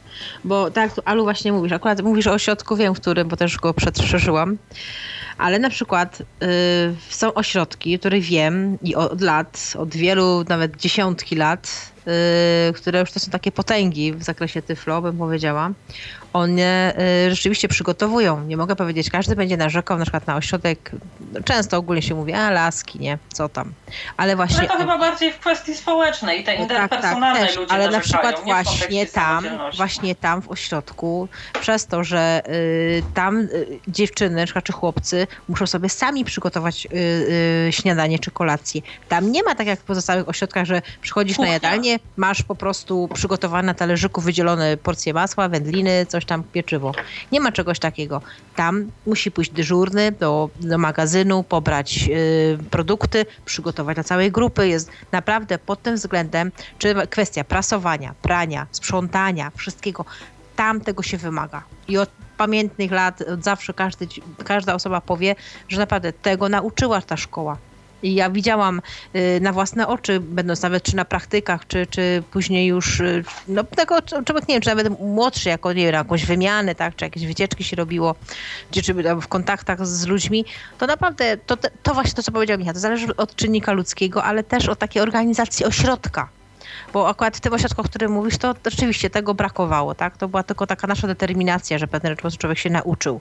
Ale tak naprawdę to no, są szkoły, które uczą tego, są tego typu zajęcia i jakoś tak no nie wiem, no jest o tym pomyślane i jest też, jest wygospodarowany ten czas na tą właśnie y, tą strefę, tą sferę samodzielności, ale Powiem Ci tak, że ja na przykład y, układając y, program rewalidacyjny dla moich dzieci, których mam z nimi zajęcia, y, to duży nacisk kładę właśnie na tą sferę, ponieważ wiem, że są w domu i są wyręczane są wyręczane i dopiero gdy przychodzą do nas, do, do, do, mnie do szkoły, do szkoły masowej, tak naprawdę małe ciapki przychodzą, które nie potrafią tak naprawdę poprawnie y, skorzystać nawet z toalety, no to wtedy po prostu ja tego muszę nauczyć. Ale to jest moja determinacja, tak? Właśnie to, co mówiłam z Michałem, że to jest mój czynnik. Ja Jasne, uwagę, ja, ja to Bożena rozumiem, tylko mi akurat nie chodzi o te małe ciapki, tylko mi chodzi o te duże ciapki, no, no, które no. na przykład myślą, że toaletę trzeba myć, y, czy tam czyścić ze względów, nie wiem, estetyczno-olfaktorycznych, tak, żeby ładnie wyglądała i pachniała, a nie dlatego, że po prostu to jest kwestia naszego bezpieczeństwa czy zdrowia, prawda? Więc y, po prostu nawet tak elementarne rzeczy rzeczy, no Mi się wydaje, że powinien Jeśli ktoś nie jest w domu, a jest w ośrodku, to ktoś mu po prostu o tym musi i powinien tak, powiedzieć, a nie mówi, tak? tak? To, jest, to, jest, to, to jest błąd. To jest akurat też nad tym ubolewam, też uważam, że to jest błąd, ale tu musi się zmienić system tutaj musi się zmienić system, bo na przykład no to są potrzebne dodatkowe godziny, bo tego nikt nie będzie robił za darmo. Więc to jest kwestia. Ale nie, no Boże, no ja się z tobą absolutnie nie zgadzam. Przecież y, to nie jest tak, że nauczyciele, którzy pracują w internetach, przepraszam, wychowawcy, są tam tylko po to, żeby sprawdzać, czy Jasiu z Marysią się nie trzymają za rączkę. No tak, nie, Oni wiem, mają tylko... całe godziny popołudniami na to, żeby po prostu właśnie spełnić no tak, po części przykład... tą rolę, której nie spełnia dom. Jakie to ale wiesz, Tak, ale teraz na przykład y, teraz trafiają dzieci, które nie są y, z niepełnosprawnością tylko jeden, tylko z ilomaś tam. I na przykład jeżeli oni y, mieliby poświęcić indywidualnie dla każdego ucznia, to nie są w stanie tego zrobić robić. To nie, będzie znowu no. tak samo w grupie. Ale oczywiście to, to może być w grupie i może być nawet y, w ten sposób, że powiedzmy, jeśli nauczyciel y, jeden ma w klasie dziewczynki i chłopców i drugi w klasie równoległej A i B ma e, powiedzmy dziewczynki i chłopców, e, to powiedzmy mieszają sobie te grupy i e, powiedzmy nie wiem, jednego dnia ktoś tam robi z dziewczynkami jakieś zajęcia, które będą wymagały takiej wiedzy, którą one powinny mieć. E, za chwileczkę tam w tej drugiej grupie zmieszanej. Przecież to nie musi być jakiś ścisły podział, nawet nie na klasy, tylko na to, że na przykład bierze się osoby, które załóżmy jeszcze, o których wiadomo, że wielu rzeczy na przykład nie potrafią zrobić, choćby z no tej tak, podstawowej wiesz, ty, o tym, ty tak? o tym pomyślisz, a taka osoba, która tak pracuje, tak naprawdę, no niestety, to jest przykre, ale nie pomyśli o tym. I właśnie to, czego ja zawsze uczulam y, moich studentów, które mam zajęcia, musicie przewidzieć, co, tak naprawdę czego my chcemy od tych dzieci dzieci na dalej, dalej, co dalej. On będzie dorosły, on musi umieć to, to, to, to, to tamto, siamto, tak? Więc, więc na to trzeba po prostu uczulić. Ale są osoby niestety w większości gro, które po prostu nie zwraca na to uwagę. Ich to nie interesuje, że ty kończysz taką szkołę i że ich tego nie umiesz. No co to? Nie, no ja rozumiem, tylko no, wiesz, to, jest problem, to na co się zwraca uwagę albo nie zwraca uwagę, to to może mieć zastosowanie w przypadku do własnych dzieci, tak? Natomiast w kontekście, jeśli ktoś przychodzi do pracy, jest tyflopedagogiem, e, to jednak e, zatrudniając się jako wychowawca w internacie, no powinien, mieć, powinien mieć jakąś tak. świadomość, jakąś no, wizję tak. tego, bo, bo, no bo tak jak mówię, no to nie są jacyś stróże, czy tam mm. ktoś, kto ewentualnie, nie wiem, wyprowadzi całą grupę na spacer, czy cokolwiek innego. Po prostu powinno po prostu, być no, w tym takim, mieć jakiś pomysł. Takim planie, w takim planie wychowawczym, w planie tak. takim po prostu grupy, tak naprawdę takie punkty. Ja też to uważam i też tutaj tylko, no tak, ci mówię, ludzie, tylko potem ludzie podchodzą do tego tak, mam mieć więcej roboty, no to chcę więcej pieniędzy. To, tak do tego podchodzą, naprawdę. Ja widzę to obok, stając i, i gdzie też mnie krew zalewa, bo mi się to nie podoba akurat. No ale y, tak, tak jest teraz system, niestety. Teraz wszystko się liczy na godziny, na etaty, na jakieś cuda. Ale przecież ci ludzie i tak w tych godzinach są w pracy, po prostu to mi się nie mieści w głowie. No, no ale właśnie, no mi się też nie mieści, no ale tak jest, tak, tak teraz jest i to jest natomiast, takie Natomiast mi jeszcze taka jedna kwestia przyszła do głowy, y, o którą myślę, że Bożeno mogę ciebie zapytać, bo, bo masz tak? w tej kwestii doświadczenie doświadczenie. Y, ja się już od dawien dawna zastanawiałem, jak jest z efektywnością nauczania w klasach integracyjnych, bo dla mnie y, tworzenie takich klas integracyjnych to jest też taka trochę segregacja. Y, I zastanawiam się na przykład z Twojej perspektywy, na ile Ty, jako ten nauczyciel wspomagający, czy Ty rzeczywiście jesteś w stanie jakby zaspokoić potrzeby wszystkich uczniów z różnymi niepełnosprawnościami, bo z tego co wiem, w różnych, nie wiem czy w twoim przypadku tak jest, ale ja słyszałem o klasach integracyjnych, w których jest dziecko niewidome, Głuche, niewidome, dziecko głuche, tak, tak, dziecko tak, jeszcze tak. z jakąś tam potrzebą, jakąś i jakąś jeszcze. I zastanawiam się, na ile takie klasy integracyjne w ogóle mają rację bytu i na ile nauczanie ich nawet przy udziale nauczyciela wspomagającego, no bo ja się domyślam, że oczywiście. bez tego nauczyciela to w ogóle nie ma sensu, ale Nie, na no ile oczywiście. takie nauczanie z nauczycielem wspomagającym jest w ogóle skuteczne? Znaczy tak, powiem ci tak, my właśnie staramy się y, otwierać oddziały integracyjne w taki, że tak powiem, mądry sposób. Że właśnie, że jeżeli ja jestem tyflopedagogiem, to do mnie trafiają rzeczywiście w większości dzieci słabowidzące czy tam niewidome, tak? Czyli mają jakąkolwiek dysfunkcję. Do klas, gdzie znowu na przykład trafia, i, y, akurat no, mamy też taki trochę też y, taką współpracę z innymi szkołami integracyjnymi, że na przykład jeżeli ja wiem, że aha, ta szkoła specjalizuje się w dzieciach głuchych, to staram się rodzicom wytłumaczyć, y, zachęcić bardziej do, do tego typu szkoły, tak, która ma doświadczenie i klasy na przykład z tego systemu dla dzieci z, z, y, głuchych czy niedosłuchem.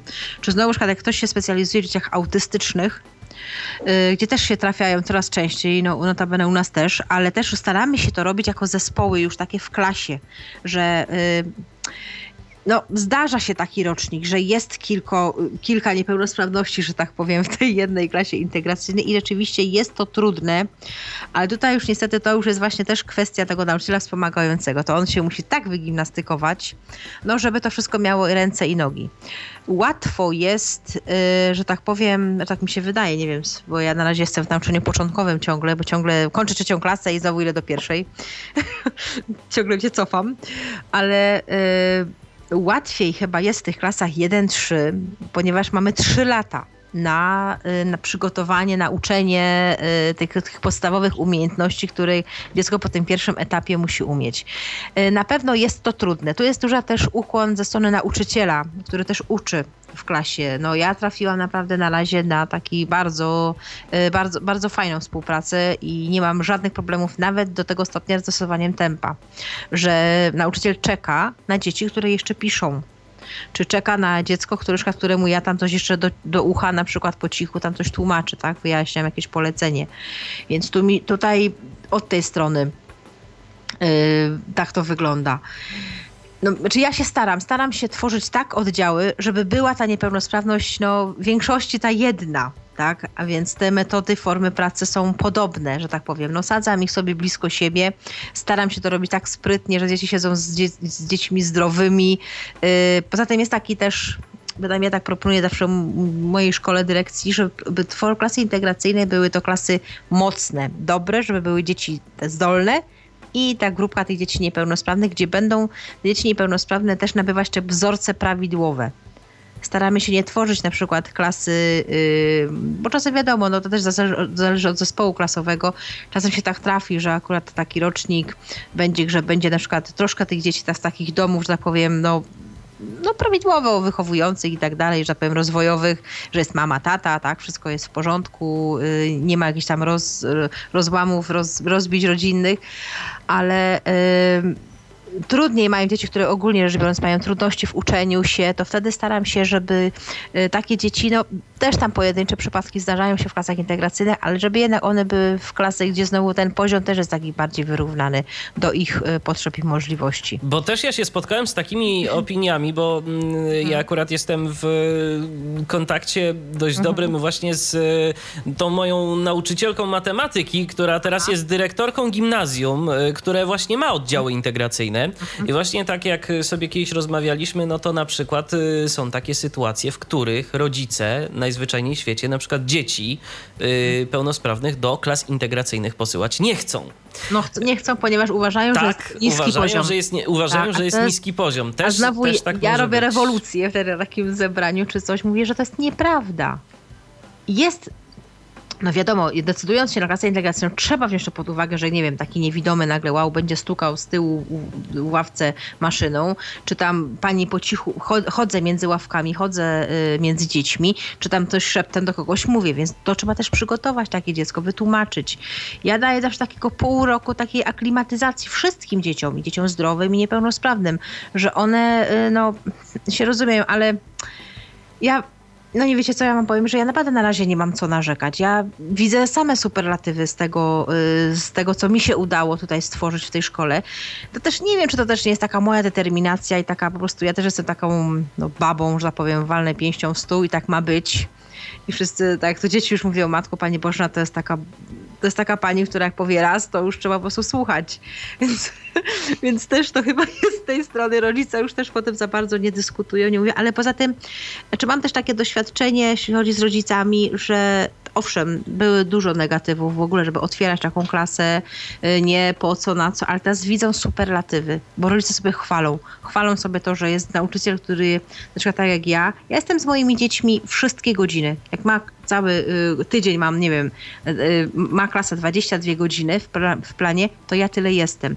I rodzice potem już też widzą, że ta że to ta, ja jestem tą panią, która jest z nimi zawsze i wszędzie. I nawet potem, i to też jest właśnie ten indywidualny, ten, no, ten człowieczy spojrze, to spojrzenie też, y, no takie ludzkie, że ja nie tak podchodzę tylko do dzieci, które mnie potrzebują i nie mówię, to są moje dzieci.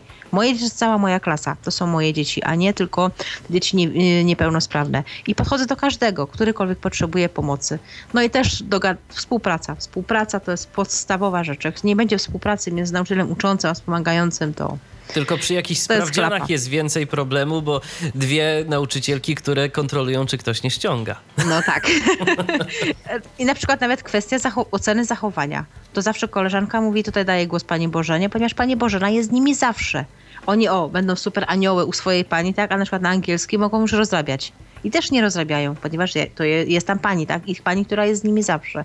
No jest to fajne w klasach 1, 3, 4, 6, już później jest, y, no kilka musi, kilkoro musi wchodzić wspomagających i to też oni się muszą dogadać oni z nauczycielem. W klasach 4-6 już jest tak trudniej. Już jest trudniej, ponieważ są przedmioty, są inne metody, troszkę inne metody pracy. No, jest nauczyciel prowadzący, przedmiotowiec, którzy też każdy na swoim przedmiocie ma tam jakiegoś konika, więc tutaj też trzeba umieć się dogadać. No, ja naprawdę na razie odpukać, u mnie to wychodzi. Naprawdę można nawet, nie wiem, sobie przyjechać, zobaczyć, popytać ludzi, rodziców, którzy chętnie, u nas po prostu się wszyscy biją klasę integracyjną, wszyscy chcą być w klasach integracyjnych. A mamy tylko 20 miejsc, koniec. Zamykamy listę, nie? Ja... No tak, e, to Boże, no jak już tak mówisz o tym e, w kontekście wspierania i tej edukacji, e, to ja po części wrócę do tych jakby form bardziej rewalidacyjnych, Mhm. E, powiedz mi, ty na pewno też masz e, kontakt e, z rodzicami w kontekście takiego poradnictwa a propos ich pomocy dzieciom później w domu. Na tak. co z kolei ty zwracasz uwagę właśnie w kontekście tego, żeby nie były wyręczane, żeby były samodzielne, tak, żeby były gotowe do asymilowania się z środowiskiem osób pełnosprawnych. Tak.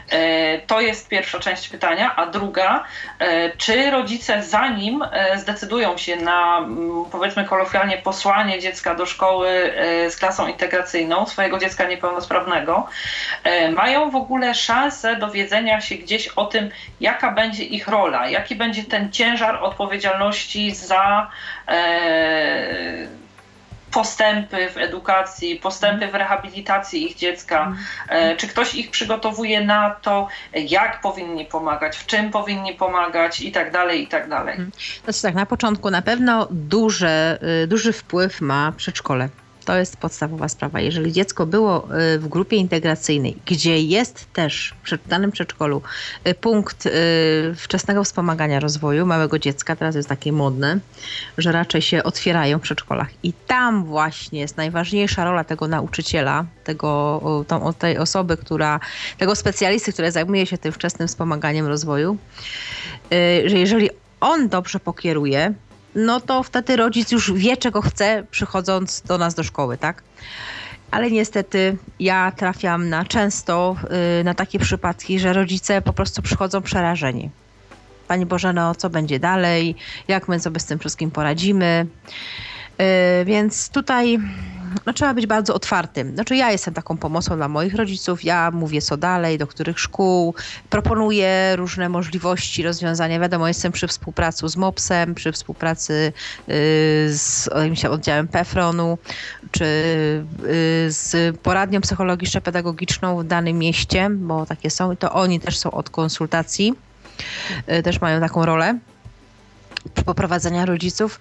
No w mojej szkole znowu się udało stworzyć grupę wsparcia. Prowadzę grupę wsparcia dla rodziców dzieci niepełnosprawnych gdzie tam z koleżankami, jest nas cztery bodajże czy pięć prowadzących, my y, mamy naprawdę świetną współpracę z tymi rodzicami. Oni przychodzą chętnie, raz w miesiącu się spotykamy. Co miesiąc mamy inny temat i też właśnie z tą dotyczącą tej samodzielności przede wszystkim. Y, też y, prowadzę tego typu warsztaty dla rodziców, że właśnie zakładam symulatory im, staram się na przykład dobrać tak, jak widzą na przykład ich dzieci, przykład ja ze swojego punktu widzenia. Czy czasami robimy taką symulację w formie takich zabaw, na przykład dzieci z upośledzeniem umysłowym albo nawet autyzmu, że jak tak naprawdę odbiera świat dziecko z autyzmem. Y, to nam się, to tam dziewczyny są już specjalistkami w tej dziedzinie. Y, I na na takich warsztatach, jeżeli ja troszkę dam rodzicom posmakować tego właśnie, jak funkcjonuje ich dziecko, wtedy otwierają się też oczy tym rodzicom, tak? Że ojej, no rzeczywiście, to, że ja ich, nie wiem, wyręczę i to, że na przykład matko w domu stawiam tyle gratów im na drodze albo, nie wiem, w łazience, y, nie, znaczy nie chodzi o to, żeby wow, tu wielce dostosowywać pewne warunki y, mieszkaniowe i tam otoczenie. Tak, tylko, ale żeby zamykać drzwi tak, albo otwierać zupełnie, no więc właśnie, takiego. To jest tak. moje zadanie, tak? Ja, oni mają na takie, no mają takie szczęście w tej szkole, że no jestem specjalista, który powie tym rodzicom i to są trudne rozmowy, bardzo trudne, bardzo trzeba umiejętnie E, ja też pracowałam swego czasu też w punkcie wczesnego wspomagania przy ośrodku, więc to też mi dało takie swego rodzaju doświadczenie, bo tak naprawdę rozmowy, z, rodzice są przeróżni, naprawdę przeróżni, no i każdy chce jak najlepiej dla swojego dziecka, tak? Albo nie chce niczego, albo też właśnie jest taka druga strona, że no, brak zainteresowania totalnie. Więc też w tym momencie trzeba tych rodziców nakręcić na to, że to tak naprawdę oni są tymi pierwszymi nauczycielami, którzy tak naprawdę no, wypuszczają te swoje dzieci y, w świat. Więc to jest moja rola. Ja jestem tyflo... No, rola pedagog, pedagog szkolny powinien wiedzieć y, o różnych formach pomocy dla, takich, dla rodziców dzieci niepełnosprawnych. Już jakąkolwiek, nie tylko chodzi o niewidomych, tylko naprawdę jakąkolwiek niepełnosprawnością to powinien być. Dobrze jest, jak w szkole jest psycholog. Psycholog też, psycholodzy prowadzą szkoły dla rodziców. To są takie formy, takie też formy warsztatowe. Prowadzą różne y, metody, y, terapeu, różne metody, pokazują różne metody pracy z dziećmi y, w przeróżnymi tam nawet nawet jeżeli jest to dziecko na przykład z jakimiś tam trudnościami, czy właśnie jakimiś zaburzeniami emocjonalnymi, to też w tym momencie psycholog szkolny no, powinien pomóc. Mamy y, telefon, słuchajcie. Rodzicom. Ja proponuję, żebyśmy odebrali. Mateusz jest z nami. Halo Mateuszu, czy nas słyszysz? Dobry wieczór, Mateuszu. Dobry wieczór. Halo. Halo. Słuchamy. Mateuszu, Halo. czy jesteś z nami? No i chyba Mateusza niestety Niestety nie ma. A szkoda, bo... No. Ale prosimy o ponowną próbę, bardzo tak, serdecznie tak, może się uda. do kontaktu. Może się uda. Czy y, y, zaspokoiłam, że tak powiem? E, tak, tak, oczywiście. E, to znaczy zaspokoiłaś, ale możesz zaspokoić jeszcze bardziej. Powiedz mi, czy e, na przykład jeśli wiesz, rodzice jeszcze nie są w trakcie edukacji dziecka w szkole tej masowej, czy już na etapie na przykład decydowania, czy lepiej posłać dziecko do ośrodka, czy do szkoły masowej z klasą integracyjną, mają możliwość dowiedzenia się na przykład w poradni tej psychologiczno-pedagogicznej, tak, jak będzie wyglądała ich rola rola w tym wspomaganiu dzieci w edukacji? Tak, powinni, powinni. Właśnie tak jak powiedziałam, przy poradniach czy przy przedszkolach integracyjnych, y, no przy ośrodkach to już jest w każdym, w całej Polsce, są punkty wczesnego wspomagania rozwoju y, małych dzieci i to tam są instruktorzy, tam są ludzie, specjaliści, którzy no, kierują tak naprawdę rodziców, też pomagają bynajmniej, pomagają w podjęciu jakichkolwiek decyzji, pomagają właśnie y, przede wszystkim w diagnozie, bo nie wystarczy tylko taka diagnoza medyczna. Musi być też diagnoza funkcjonalna, a diagnozę funkcjonalną właśnie prowadzi taki zespół do wczesnego wspomagania rozwoju małych dzieci. W każdym mieście tak naprawdę jest, na pewno jest, na pewno są, bo to są też są, mogą to, to też być y, poradnie prywatne, przy jakichś fundacjach. Na przykład na Śląsku jest taka fundacja dla osób niewidomych i oni mają też w Chorzowie, też mają taką swoją dużą działalność, już mają naprawdę na całe aglomerację Śląska y, no, działalność właśnie w tym kierunku, którzy też właśnie prowadzą tą działalność też w domach, bo to jest bardzo ważny aspekt. Wczesne wspomaganie prowadzi się w środowisku najbardziej optymalnym dla dziecka, czyli najbardziej dobrym i wygodnym dla dzieciaka. Małego do trzeciego roku życia powinno być przeprowadzone w domu. Następnie już później jest etap przedszkola, więc warto, jeżeli w przedszkolu y, jest taki, taki punkt wczesnego wspomagania rozwoju małego dziecka to rozmawialiśmy o edukacji i mm, jakiejś takiej formie, powiedzmy, rozwoju tego mm, tej rewalidacji. E, natomiast ja chciałabym e, zapytać Was e, o coś takiego. Z punktu widzenia domów, a ośrodków, co w Waszym odczuciu, oczywiście Michała będę pytała o dom, Ciebie Boże, no spytam o to, o tak, o internat już nie o edukację, ale o taką e, powiedzmy wartość, nie wiem, czysto ludzką, czysto społeczną. Co było w Waszym odczuciu takim największym plusem tego, e, tych sytuacji Waszych odmiennych? E, jak to było w Twoim przypadku, Michale? W moim przypadku wydaje mi się, że y, przede wszystkim to jest to, o czym ty, Alu, powiedziałaś już troszeczkę y, w kontekście internatu, czego tam brakowało, to jednak takie indywidualne podejście, że ja będąc w domu, to ja jednak po prostu mogłem gdzieś tam realizować się w ten sposób, w jaki ja chciałem i nic y, jakby odgórnie, no poza gdzieś tam powiedzmy rodzicami, którzy też do czegoś tam ode mnie chcieli, żebym jakieś tam obowiązki wypełniał takie czy inne, to nic mnie nie ograniczało. Nie było tak, że o tej godzinie robimy to, o tej godzinie robimy to, a o tej już yy, zupełnie nie robimy nic innego, bo, bo trzeba iść spać. Tak chociażby cisza nocna, no słynna przecież w internatach to jest, yy, jak, jak się nie mylę. Gdzieś tam powiedzmy, no wiadomo, do pewnego, do pewnego roku życia, do iluś tam lat, to można to dziecko zagonić spać o takiej, a nie innej godzinie, no ale z racji tego, że ja zawsze lubiłem sobie posiedzieć gdzieś tam powiedzmy dłużej, no to chyba miałbym jednak mimo wszystko z tym problem.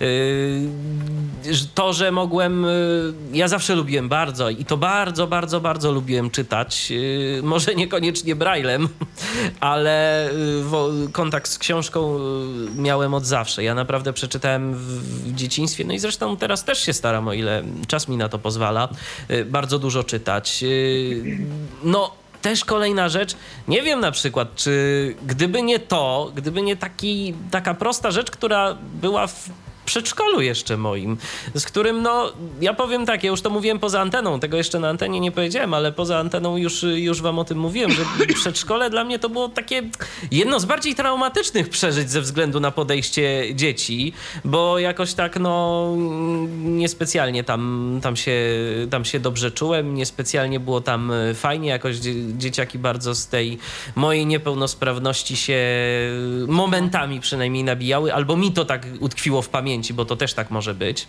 Y, już y, z tych późniejszych y, lat zdecydowanie, mm, zdecydowanie tak nie, tak nie było. Natomiast jedna rzecz, gdyby nie to, że myśmy kiedyś w przedszkolu poszli do takiego naszego radia lokalnego nagrać jakąś tam audycję, to ja nie wiem, czy my byśmy na przykład teraz tu siedzieli i tak sobie rozmawiali, czy w ogóle byłby Tyflo Podcast, czy, czy w ogóle ja bym się tym radiem zainteresował, co, co gdzieś później no, było taką moją wielką pasją. Także to indywidualne podejście do człowieka, które charakteryzuje się dla domu, to jest moim zdaniem najlepsza, największa wartość dodana, y, która y, jest y, i, i, z której wy, i która wynika z tego, że no jednak jesteśmy sobie w naszym rodzinnym domu. Wiadomo, no też kontakt z rodziną. Tak, więzy emocjonalne. Tak, wię, więzy emocjonalne, więzy emocjonalne, tego typu, tego typu rzeczy. Chociaż wiesz co, więzy emocjonalne, to no oczywiście, no ja jestem związany z, gdzieś tam z rodziną. Niemniej jednak ja powiem szczerze, ja pójście na przykład, gdzieś tam pójście na swoje odczułem bardzo pozytywnie, bo no, jest do pewnego, do pewnego momentu to można sobie tam z rodzicami siedzieć, ale na przykład mnie ta sytuacja zaczynała już y, powoli męczyć zwyczajnie, że gdzieś tam y, na przykład ja sobie nie mogę, chociażby taka głupia sprawa, y, dłużej sobie, dłużej sobie pospać, bo mi już tu ktoś po pokoju chodzi i się wyspać nie mogę. No to na pewno. na przykład. No więc, więc to już są, więc to są, więc to są takie rzeczy. Także no, z mojej strony, z mojej strony to by było tyle. Ja jeszcze spróbuję zadzwonić do Mateusza, bo Mateusz poprosił, żebyśmy do niego zadzwonili. Zobaczymy, czy nam się to uda. Czy nam się uda połączyć właśnie w tym momencie z Mateuszem. Zobaczymy. Halo, Mateuszu, czy nas słyszysz? Halo. No, niestety są chyba jakieś problemy. Dobrze, że, dobrze, że my dziś możemy jakoś funkcjonować i dobrze, że, dobrze, że nas słychać. Dobrze? Może nie chwalmy dnia przed zachodem słońca. Dobrze, okej, okay, okej. Okay. No ale w każdym, w każdym razie, razie będziemy tak, będziemy próbować być tak. może jeszcze, bo Mateusz właśnie powiedział, że, że chciałby jeszcze co, co nieco do tej kwestii dodać, więc może jeszcze gdzieś tam później nam się Oczywiście. uda połączyć i będziemy w stanie, będziemy w stanie porozmawiać. No, także z mojej strony to, to, to są takie wartości, e, Jasne. jeżeli chodzi o przebywanie w domu. I bardzo mocne. Tak, bardzo I dobre. mocne, bardzo przemawiające za pozostawanie w domu. To teraz tak. E, ja no, powiem ja tak, na koniec tak powiem, trzy grosze. Yy, tak powiem. Yy, hmm. Czy mi, ja jestem zadowolona bardzo i bardzo wdzięczna swoim rodzicom, że podjęli taką decyzję. Y, z racji tej, że dzięki temu, że skończyłam tego typu system, tak, taki, tego, tego typu system szkolnictwa, tak stałam się bardziej otwarta, bardziej zaradna, na pewno, zdecydowanie. Y, też no, wiedziałam, czego chcę w życiu. To było takie, dla mnie internat był szkołą życia ponieważ w domu mnie nikt nie nauczył tak naprawdę yy, ścielenia łóżka, czy w sensie zmieniania pościeli, nie wiem, bo to robiła zawsze mama, tak? Przygotowania posiłku, czy nie wiem, przeprania sobie skarpetek, bo była pralka, wrzucałam do pralki, mnie to nie interesowało. Mama rozwieszała, mama prasowała, mama chowała do szafki. W internacie musiałam się tego wszystkiego nauczyć sama. Więc yy, akurat w tym, w którym byłam w Warszawie, to naprawdę mieliśmy, to ja tam dostałam porządnego kopniaka od samego początku, od czwartej klasy, a jeszcze miałam taki, mam taki charakter, że nie przyznaję czegoś, czego nie potrafię, więc patrzyłam, obserwowałam ludzi, co robią i się tak naprawdę uczyłam na zasadzie naśladowania. Yy, na przykład typu, nie wiem, zmienić pościel, którą musieliśmy zrobić raz w miesiącu i dla mnie to po prostu była katastrofa nagle. Ja mówię, mamo, ciebie tutaj nie ma, a ja tego nie umiem, ale nikomu tego nie powiedziałam. taka wielka, prawda? Jak no więc właśnie, tak, więc ale, ale no, właśnie w tym momencie nie było takiego wychowawcy, tak, który by mi to pokazał. No właśnie to, co mówiła Ala, tego brakuje, tak, tego, tego na pewno brakuje. Ale tak jak powiedziałam, no są szkoły, które mają na to jakoś taki czas i ludzie trafiają. To jest też sprawa indywidualna. Czego mnie nauczył internet? No właśnie tej otwartości na pewno i radzenia sobie w trudnych sytuacjach. Dla mnie jakikolwiek teraz problem, nie wiem, prywatny, życiowy, rodzinny, nie jest końcem świata zawsze potrafię jakoś z tego wybrnąć. Y, lepiej, gorzej, wiadomo, różnie bywa, ale y, nie, nie jest to tak, że jestem załamana, sobie już nie poradzę. Y, nie ma, nie ma sytuacji bez wyjścia. Zawsze jest jakieś wyjście i a nie jakoś masz wrażenia, tak... że to jest bardziej kwestia niezłomności twojego charakteru, a nie... Znaczy teraz może też, ale ale wiesz, Alu, naprawdę jak człowiek wychodzi z domu mając 10 lat, ja, no ty byłaś jeszcze młodsza. Ja, no, ja wychod... byłam jeszcze młodsza i na pożegnanie moim rodzicom, jak pierwszy raz mnie zostawili w internacie, powiedziałam, że mnie oddali do domu dziecka, więc... to, to dałaś im niezłego kopniaka. Znaczy ja, ja, ja powiem tutaj szczerze y, o takiej sferze emocjonalnej. Ja troszkę przez to, że byłam w internacie, troszkę straciłam taki, y, taki kontakt, takie, y, taki, taką więź emocjonalną ze swoją rodziną. To na pewno. Dla mnie później już ważniejsi to jest takie może trochę przykre, ale ważniejsi byli powiedzmy już znajomi niż moja najbliższa. Znaczy wiadomo, tam mama, tata to wiadomo by zawsze ważni, rodzeństwo, ale jakoś tak nigdy nie tęskniłam bardzo. Na początku tak, później się do tego po prostu przyzwyczaiłam. Ja tak naprawdę byłam gościem później w domu i uciekałam od tego, żeby tutaj nie siedzieć na pewno uciekałam od tego, żeby yy, nie być w tym domu, tylko właśnie być między ludźmi. Tego się też nauczyłam w internacie. No i też tak yy, potem idąc na studia, ja nie miałam problemów z aklimatyzowaniem się w akademiku. Dla mnie to nie był problem dostosowaniem się do, do zupełnie osu nowych osób, nowych sytuacji. Yy, tego też nauczył mnie poniekąd y, no, życie w internacie. Na początku na pewno zawsze było takie, a co ludzie pomyślą, będę się przygotować, będę się przygotować przyglądają mojej osobie. Y, no ja też tak taka byłam, troszkę czasem byłam, to też zależy od towarzystwa, czasem też byłam trochę nieśmiała, ale y, moim takim nauczycielem takiego właśnie radzenia sobie w życiu dorosłym był też właśnie mój brat, który tak naprawdę wtedy na ten czas, jak y, rozpoczęłam studia, byłam na niego zła, dlatego że nie chce mi pomóc, że nie chce mi niczego pokazać, a ja w tej Warszawie, takiej wielkiej, y, no mimo, że tam byłam w szkole podstawowej, ale później przez okres y, szkoły średniej trochę się ta Warszawa pozmieniała, później znowu tam wróciłam. Dlaczego mi nie chce pomóc, nie chce mi pokazać, gdzie jest uczelnia? On po prostu powiedział mi jasno, musisz sobie poradzić, jesteś na dworcu centralnym, masz informacje, się zapytaj. I to no, no, takie kopniaki dostawałam nieraz właśnie, musisz sobie poradzić. No, za to też, no, poniekąd gdyby rodzice mnie nie wysłali do internatu i nie nie byłabym w tego typu ośrodku i właśnie nie poznałabym tego wachlarzu możliwości pomocy, które no ośrodek daje, naprawdę daje, da, daje tą możliwość wykorzystania różnych po, pomocy, różnego sprzętu, no to bym nie wiedziała, bym, gdybym ja w swojej sytuacji kończyłabym szkołę masową, to siedziałabym, nie wiem, po jakiej szkole zawodowej w domu, tutaj rentę by mi pukali do drzwi i by mi przynosiła pani i tak by się to skończyło tak naprawdę, ale dzięki temu, że jednak wyszłam no, w świat, no musiałam pójść musiałam sobie poradzić. To było dobre. Tutaj to zachęcam do, do, do, do, do tych ośrodków. Dobrze, słuchajcie, ja proponuję, żebyśmy do trzech razy sztuka zrobili, bo jest tak, z nami na łączach Mateusz i mam nadzieję, że już teraz wszystko będzie działało. Halo, Mateuszu, słyszysz nas? Tak, oczywiście, że Super. was słyszę. Witam serdecznie, a wy mnie słyszycie? Słyszymy tak, cię głośno i wyraźnie. Mateuszu, wit e, tak, ja może z innej baczki zacznę, bo to jest związane z tematem, e, ale ja bardziej wolę komputery i tak a propos właśnie informatyki. Chciałem, żeby zawsze jak się pisze po liceum, jak się idzie na studia, żeby mnie, na, jest taki przedmiot jak e, podstawy przedsiębiorczości, no i między innymi do gimnazjum i do liceum chyba, z tego co pamiętam, bo teraz programu nie znam. Jest przedmiot technologia informacyjna, i chciałem, żeby mnie nauczyli Worda, bo no teraz miałem taki okres, że musiałem, no i właściwie wysłałem życiorys do, do firm tam o pracę, ale wyobraźcie sobie, że owszem, był taki informatyk, który mnie troszeczkę Worda dam na, nauczył, sprawdzania pisowni i gramatyki, a że e, nie było takich nowych technologii, nie było wsparcia dla Worda jeszcze w szkole i w szkole mieliśmy Outspokena i JOSa mieliśmy o wiele, wiele później, kiedy ten informatyk no jeszcze był, ale musiał odejść z powodów zdrowotnych. No i mnie nikt jakby nie nauczył Worda i teraz wyobraźcie sobie, że dostałem, może i nie głupie zadanie w ramach programu, ale dostałem je... Y, żebym je wykonał nieumiejętnie, bo ktoś mi powiedział, napisz swój życiorys, jakbyś ty pisał przyszły życiorys i uwaga, padło, yy, padła odpowiedź, w brailu napisz. To ja, no dobrze napisałem, ale teraz patrzę z perspektywy czasu, że po co się uczy w brailu pisania życiorysów, jak się ma programy udźwiękawiające, no powiedzcie sobie państwo sami, po co się uczy życiorysów, jak i tak w brailu tego życiorysu nikt nie przeczyta, trzeba w Wordzie na przykład yy, się czegoś uczyć. Na przykład czynności dnia codziennego to są na przykład y, takie z informatyki.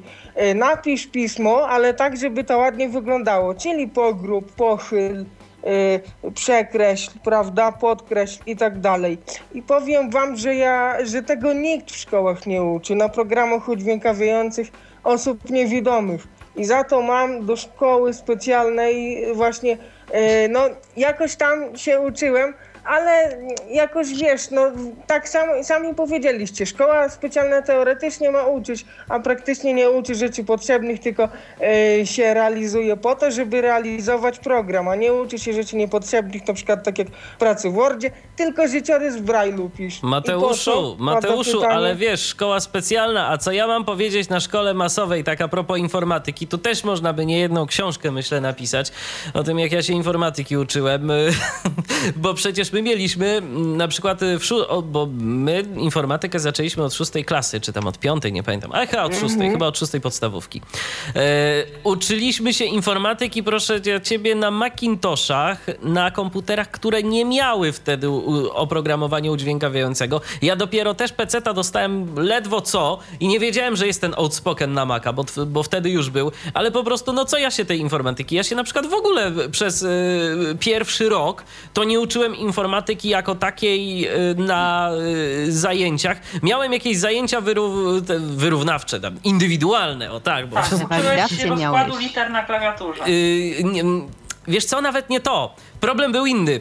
E, nauczyciel, który mnie uczył tej informatyki, z którym miałem te zajęcia, raz przyszedł, 10 razy nie przyszedł, więc e, no, to, to, to był taki problem e, z nim. Natomiast no, właśnie takie są moje wspomnienia a propos informatyki, także no, w tej kwestii myślę, że teraz już jest trochę lepiej gdzieś tam z tego, co tak słucham z różnych opinii tych osób, które niedawno pokończyły jakieś ośrodki, to że tej informatyki jednak się uczy. E, w szkołach masowych to ja podejrzewam, że to jest wszystko kwestią zaangażowania się nauczyciela, który zazwyczaj, no ale powiedzmy sobie... też. Ale powiedzmy też. Są sobie- Nauczyciele potrzebnych rzeczy uczą, a są tacy, którzy nie wiem, jakichś Y- y, takich, wiesz, epoki kamienia upanego, czy tam coś. No? Alu, tylko z informatyką to jest inny problem. E, Zazwyczaj nauczyciel, tak jak powiedzmy nauczyciel chemii, nauczyciel biologii, no to tą biologię, chemię musi skończyć, tak? Informatyk, nauczyciel informatyki to jest w najlepszym wypadku nauczyciel matematyki.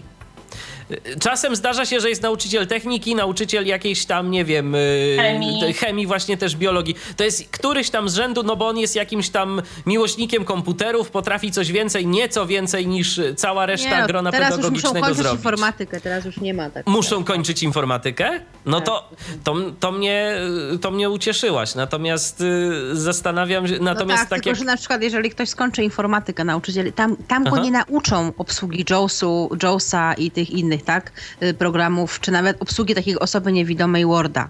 Niestety, tego tam nie nauczą. Więc w tym momencie to już jest teraz kwestia, rzeczywiście tak powiedziałeś, zaangażowanie nauczyciela, który no, no decyduje się na to, tak, czy ma w klasie osobę z dysfunkcją wzroku, którą musi tego nauczyć. Ale, ale jest nie, niestety, to jest przykre, bo nauczyciele, ogólnie rzecz biorąc, taki jest właśnie nasz system w Polsce, jest podstawa programowa. A w podstawie programowej nie jest napisane, że ta podstawa jest dla niewidomych czy dla słabowidzących. Jest napisane, że ona jest ogólnodostępna. I to jest sprawa indywidualna. Jeżeli nauczyciel do tego podejdzie, co ja tam będę go uczył, nie wiem, jakiegoś Worda. tam y, Worda, byle jak, ja go muszę nauczyć tak, to było w ośrodkach poniekąd to było, że oni musieli, wiedzieli, że nam te komputery są potrzebne do takiego obsługi, takiego życia no, codziennego, tak? Że my musimy umieć napisać coś, Przejrzeć wydrukować, serwis przejrzeć internetowy. serwis internetowy. W szkołach masowych tego nie nauczą.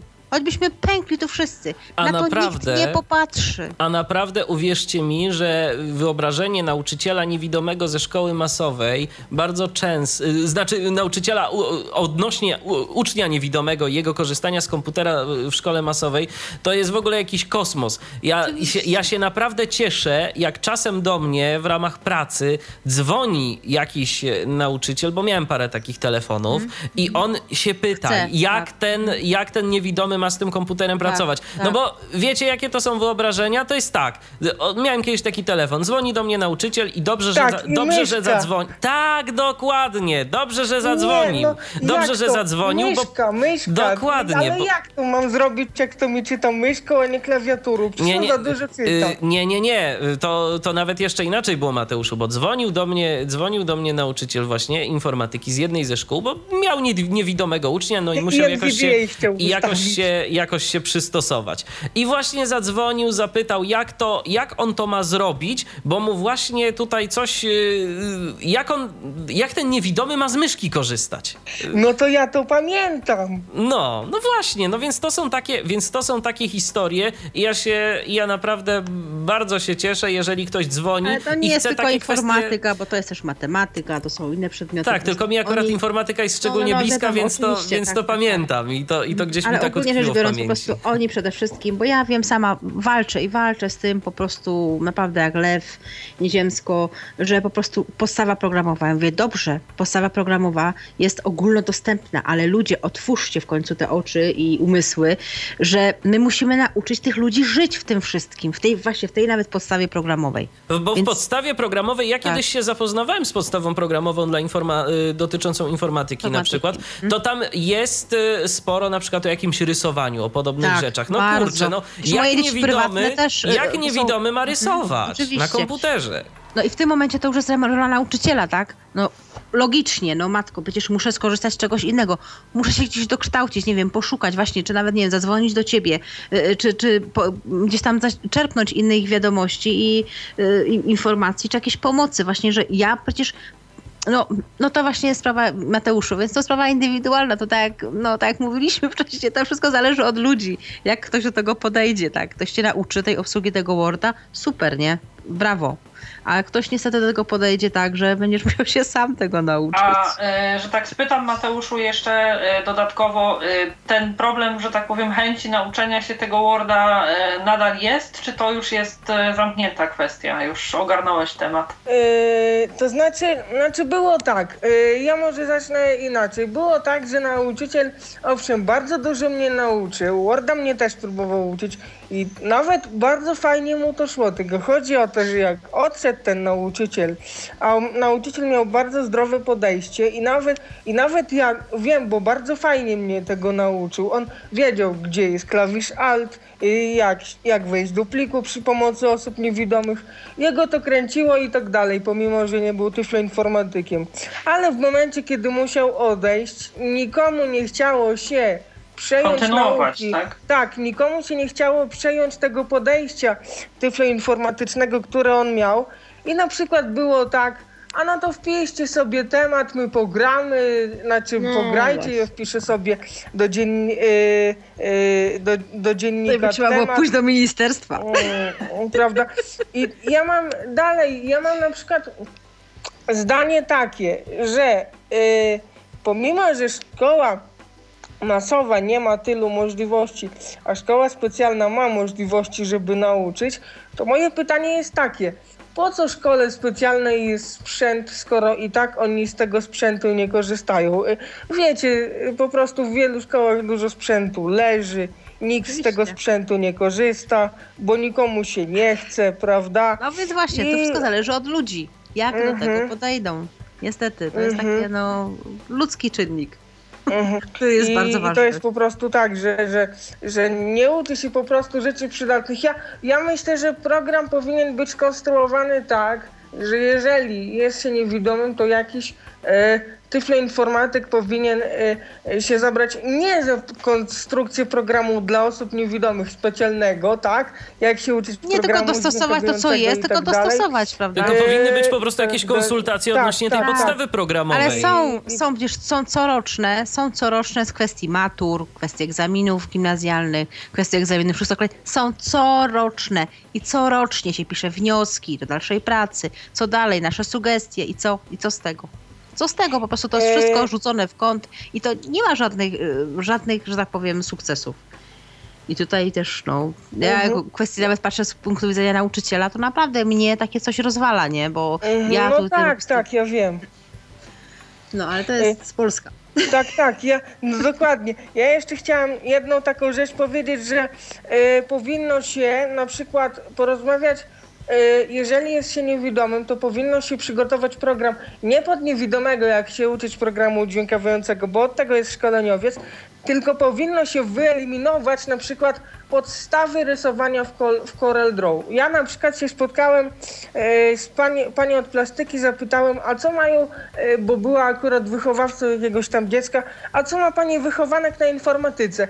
A wie, wiesz Mateusz, no taki jest paradoks, że jak narysować Corel Draw? Naucz się rysować programem Corel Draw. I teraz pojawia się pytanie, jak ten niewidomy ma obsługiwać Corel Draw? Także podsumowując, moim zdaniem powinno się porozmawiać z tyfloinformatykami i jeżeli się jest niewidomym, to powinno się informatykę dostosować do potrzeb niewidomego, czyli Word, mhm. Excel, wyeliminować PowerPointa. Mm, ja nie powiem... No nie no, PowerPointa to ja bym Mateuszu nie eliminował, bo PowerPoint w dorosłym życiu to się co niektórym przydaje. E, ja nie, nie, ja też bym nie eliminował, ale ale od niewidomych bym tego nie wyeliminował, bo ja nie wyobrażam sobie, żeby osoba niewidoma, nie wiem, może mam inne wyobrażenie, ale nie wyobrażam sobie, żeby osoba niewidoma robiła prezentację w PowerPoint. A ty co o tym myślisz, Michał? Czasem, no właśnie ja, ja myślę, że ja myślę, że czasem trzeba zrobić taką prezentację. To znaczy, wiesz, oczywiście gdzieś tam na jakimś takim, e, ja akurat co do PowerPointa, to uważam, że, że to jest program, który da się obsłużyć. To nie jest oczywiście tak, że, że zawsze nam ta prezentacja wyjdzie perfekcyjnie i czasem trzeba trzeba będzie e, co nieco poprawić, tak? tak? żeby ktoś sprawdził, ale PowerPointa to ja broń Boże bym nie eliminował, bo to jest program, który się wbrew pozorom przydaje, kiedy wiesz, kiedy na przykład robisz jakieś szkolenia, robisz jakieś prelekcje, przecież są osoby niewidome, które z tego korzystają, które Oczywiście. e, chodzą gdzieś tam, e, mają jakieś prelekcje i posługują się prezentacjami mu- multimedialnymi. Ale słuchajcie, Wyeliminować na Painta, maturę to oczywiście, ale PowerPointa w życiu. E, A niewidomy sam zrobi prezentację, bo ja, ja myślę, że nie, nie wiem. Zrobi. Zrobi. Być może ta prezentacja będzie, nie będzie wyglądać bardzo estetycznie pod względem Albo wizualnym. Czasem trzeba będzie. w Tak, jakieś, czasem e, trzeba będzie tam Będzie coś, coś trzeba będzie pozmieniać, poprosić kogoś, żeby na przykład, no nie wiem, pomógł nam Popatrzył na w dostrojeniu rysunku. Dokładnie, ale oczywiście osoba niewidoma e, zrobi Jest w prezentację zrobić. w PowerPoincie, jest w stanie z tego, z tego skorzystać. Także absolutnie PowerPointa nie eliminowałbym, bo to jest program, którego moim zdaniem też się bardzo mało uczy i to jest źle, że się tego programu bardzo mało uczy, bo on w dorosłym życiu to się naprawdę przydaje. Przynajmniej niektórym grupom y, E, zawodowym. Tak, tak. Ja jeszcze tak na koniec e, powiem, że na przykład miałem taki przypadek e, sam, że nie znałem się wtedy na komputerach i nie miałem internetu.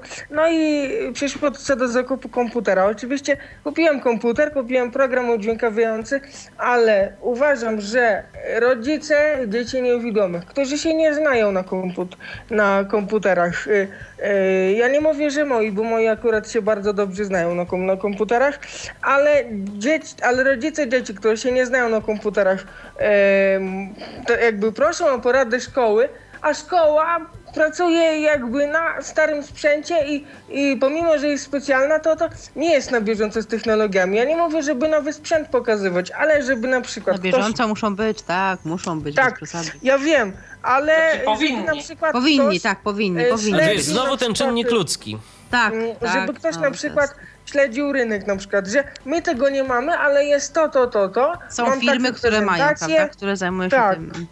E, Mm, Tak, tak, I, tego, I tego u mnie w szkole Ale niestety... Mateuszu, Mateuszu, ja powiem ci tak, że są jednostki, które śledzą. Ja się spotkałem nawet z taką informacją. Dzwonił do mnie kiedyś jeden nauczyciel z mm, jednego właśnie z ośrodków i mówił, że uczniom y, swoim na lekcjach prezentuje audycję Tyflo Podcastu. Także, y, no, E, także no bardzo tak, dobrze. tak, teraz, teraz się czasy zmieniły, a jak ja zacząłem chodzić do szkoły, to nikt y, się na sprzęcie nie znał, nikt nie wiedział co doradzić, zawsze mnie pytano o porady, bo po prostu szkoły się jakby na tym nie, nie znają, prawda, nie, nie zależy im. Ja na przykład... Znaczy to też jest tak, że też nie ma co przesadzać, bo też trudno się spodziewać, żeby osoba, która przychodzi uczyć informatyki, tak? Ona ma być metodykiem, ma być umieć, dobrym tak. pedagogiem i tak dalej. Jeszcze Że to będzie nagle osoba, która będzie po prostu potrafiła komuś doradzić, czy ma sobie kupić telefon z Androidem czy z iOS-em, bo to już też nie Nie, przesadzajmy. no to...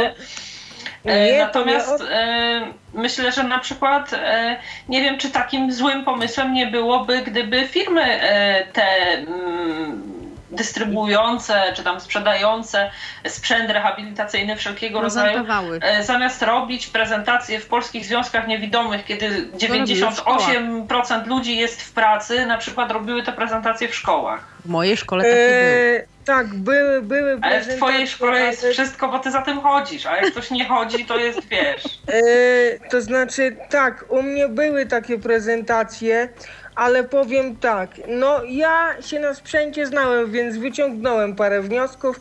Prezentacja tam mi się y, co nieco podobała, Braille Sensa poznałem, bo się trochę na sprzęcie znałem, ale powiem wam tak, te prezentacje są grupowe i powiem wam, mało kto z dzieci e, wy, i, z, ro, i z rodziców też wyciągnął, e, znaczy mało kto się dowiedział po prostu na prezentacjach. Te dzieci tak się po prostu, e, wie, e, wiecie, takie były, prze, one miały już tego dość, bo to wiecie, jest grupowe, dużo ludzi, hałas jest i te dzieci mają po prostu tego jakby, jakby dość. Nie wiem czemu firmy już zrezygnowały z prezentacji, bo ostatnią prezentację w szkole to mieliśmy w roku bodajże 2011 i potem już nie było żadnej prezentacji, także nie wiem. No bo im, bo to się, im, im się to musi opłacać. No niestety. Mhm, bo kiedyś były prezentacje, a teraz nie ma, ale powiem, że co nie, coś,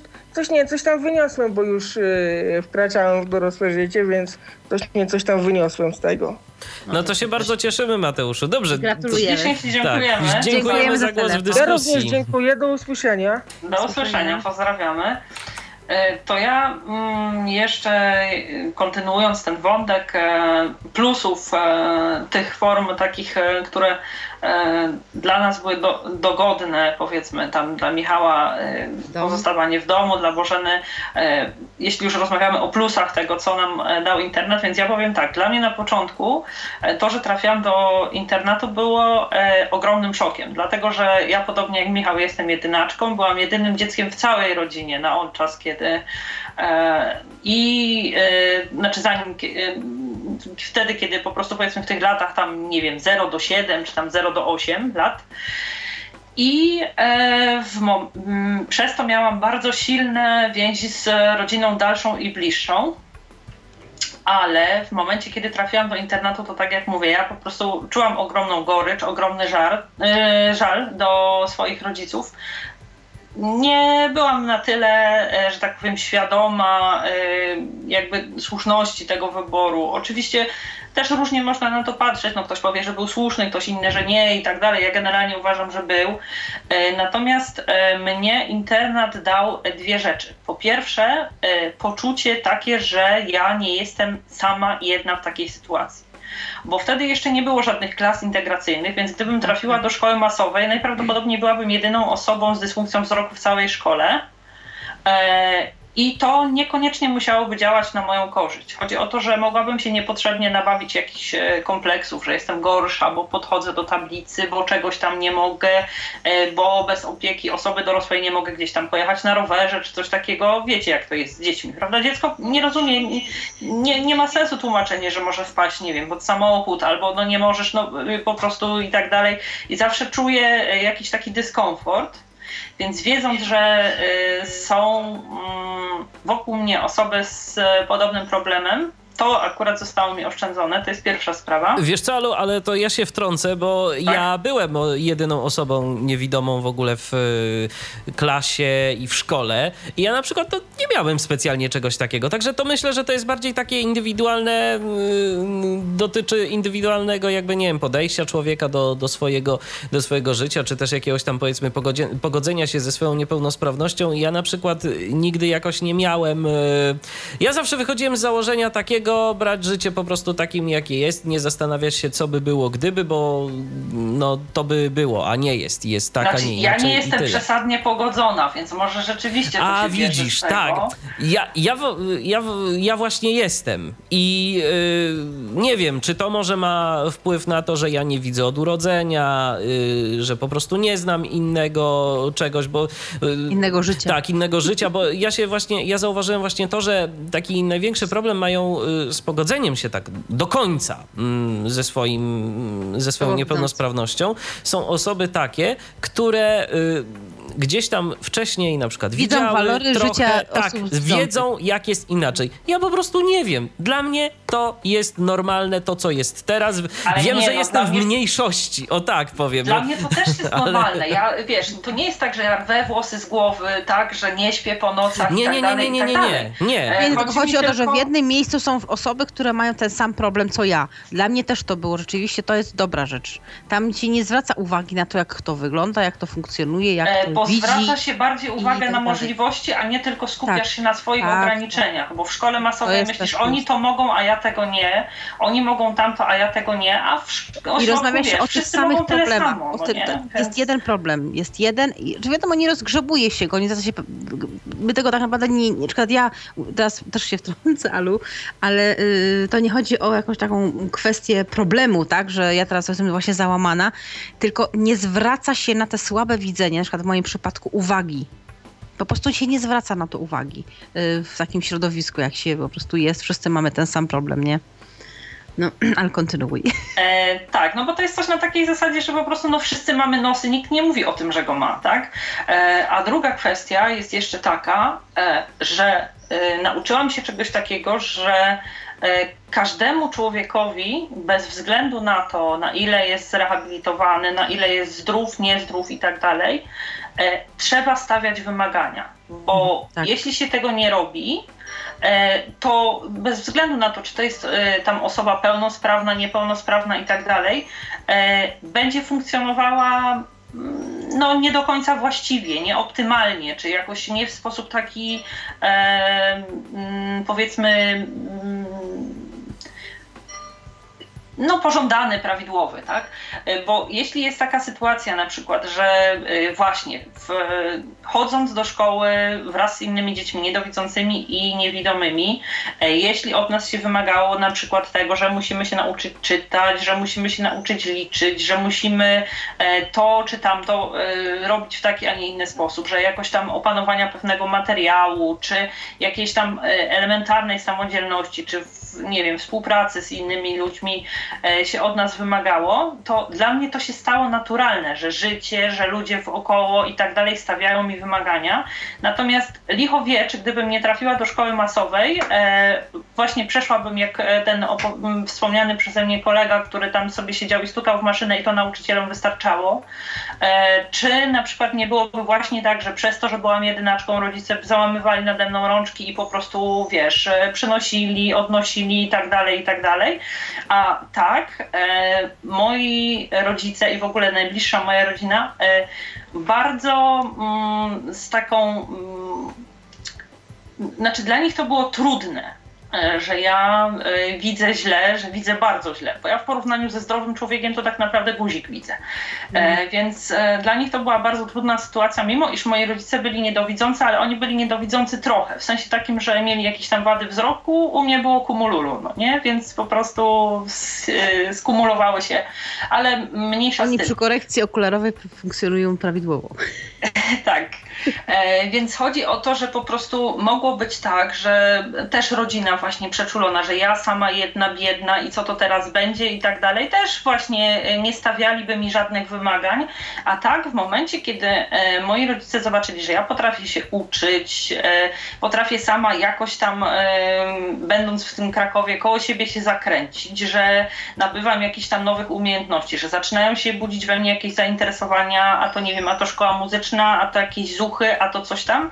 Może ich samych też to przekonało, że ja sobie w normalnym życiu dam radę i zaczęli mi stawiać wymagania takie, jak ich znajomi, czy tam e, inne osoby w rodzinie stawiały swoim dzieciom wcześniej czy później. I właśnie myślę, że po prostu mm, takim e, jakby to było zdrowe i dla mnie, i, i dla mojego otoczenia. Oczywiście zrozumiałam to gdzieś tam dopiero po latach, bo tak jak mówię, na początku to była dla mnie sytuacja na tyle nie do zaakceptowania, że po prostu niemal zobligowałam rodzinę do tego, żeby każdego dnia po prostu ktoś do mnie do Krakowa przyjeżdżał, więc yy, no.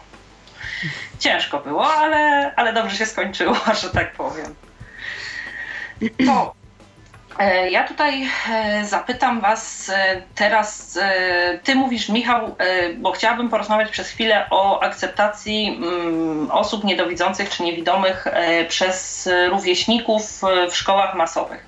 Ty mówisz, że tutaj u Ciebie, Michale, problemy pojawiały się na mm, etapie przedszkolnym, a później jak już dzieci w miarę jak dojrzawały, E, tych problemów było coraz mniej. A jak to wygląda, e, Bożeno, u Ciebie? Jak wyglądało wtedy, kiedy Ty chodziłaś do szkoły podstawowej, masowej? Jak to wygląda dzisiaj?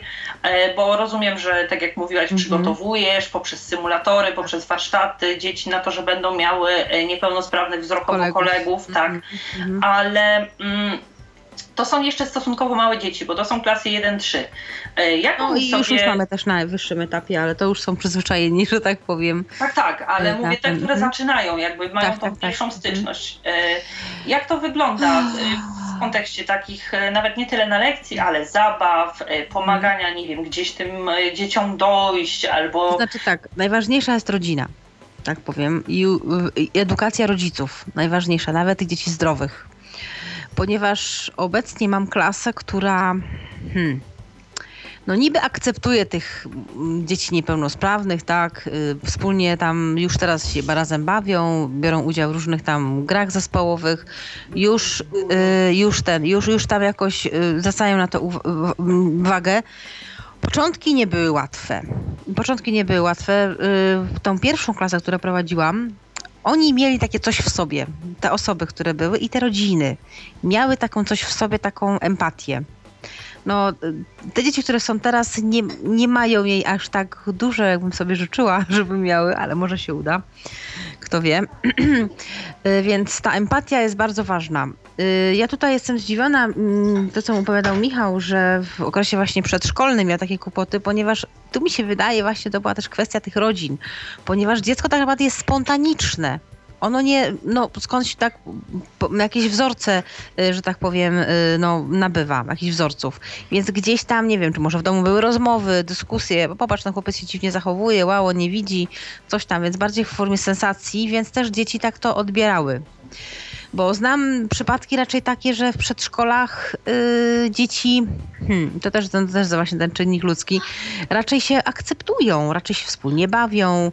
To też zależy od oczywiście nauczyciela prowadzącego, nauczyciela, który tam no, troszkę też nawet ich wspomaga, czy w grupach integracyjnych w przedszkolach Chociaż też e, to właśnie nawet grupa integracyjna w przedszkolu, gdzie też trafiają do mnie dzieci, które na przykład nagle, proszę pani, nareszcie hura, skończyło się przedszkole.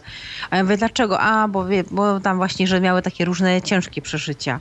Czy mam Wiesz, dziewczynkę... Boże, no może hmm? to też jeszcze kwestia jest taka, bo o jednej rzeczy nie powiedziałem. U mnie właśnie była grupa taka bardziej integracyjna, bo tam jeszcze oprócz hmm. mnie to był e, jeszcze, pamiętam, z niepełnosprawnych osób, e, ale to bardziej umysłowo. Tam był chłopak chłopak z y, zespołem Downa, mhm. Y, jeszcze z jakimś tam, z jakąś tam niepełnosprawnością, jakiś chyba taki opóźniony po prostu w rozwoju.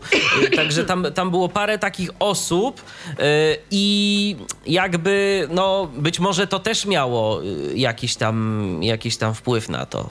No może też, ale ogólnie, to znaczy na przykład bo w przedszkolu, do którego chodziły moje dziewczyny, moje, moje córki, one, jedna z moich córek była też w grupie integracyjnej, ale zdrową dziewczyną dziewczynką, ale ja chciałam, żeby była w grupie integracyjnej właśnie dlatego, żeby nabyć takiej empatii.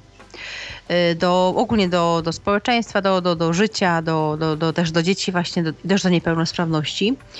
Y, no, udało się, naprawdę jest taka, czy nie, że tam jakaś opieka, jakaś w sensie takiego, tylko patrzy na pewne rzeczy po prostu tak normalnie, tak, tak oczywiście, tak, tak, tak pewne, rzeczy, pewne rzeczy są po prostu, sytuacje życiowe są oczywiste i, i nie, nie stwarza sobie, nie robi z tego problemów. I tam właśnie w tym przedszkolu tutaj u nas, yy, gdzie w pobliżu mojego domu, to gdzie ta grupa integracyjna naprawdę ma sens ja widzę jej walory, naprawdę takie pozytywne bym powiedziała, gdzie znowu właśnie w innym przedszkolu, no niestety potem trafiają do mnie dzieci do szkoły z tego innego przedszkola, to niestety no, no mówią o tych właśnie negatywach, tak? I jestem zdziwiona w tym momencie, no ale to niestety mi się wydaje, to jest też czynnik ludzki.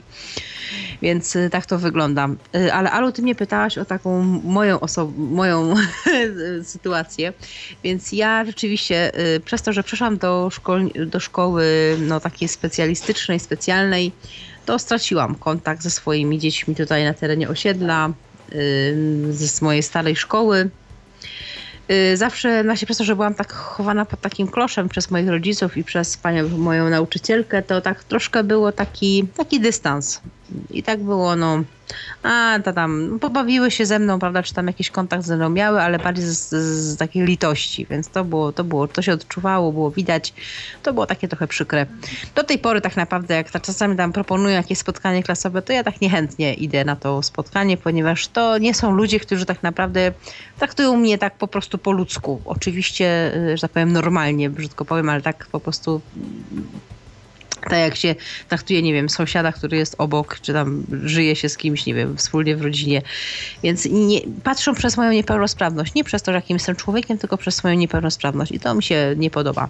Dlatego wolę unikać takich kontaktów. Jasne, ja też unikam ludzi, dla których jestem najpierw niepełnosprawnym, a później człowiekiem, więc to wiesz, nie, nie budzi w żaden sposób mojego jakby zdumienia.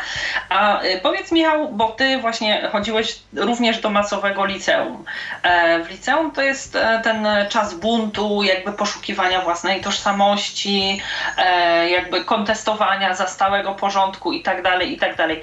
Jak tam wyglądała sytuacja, powiedzmy, e, nie wiem, jeśli chodzi o kolegów, o dziewczyny, tak. jakieś pierwsze sympatie i tak dalej, i tak dalej. Odczuwałeś jakoś, powiedzmy, nie wiem, ten jakby brak mm, wspólnoty jakiejś swoją tą klasą, czy właśnie wręcz przeciwnie, byłeś e, dla tych ludzi, nie wiem, jakoś e, bardziej ciekawy, bardziej fascynujący i tak dalej, i tak dalej. Ja powiem w ten sposób.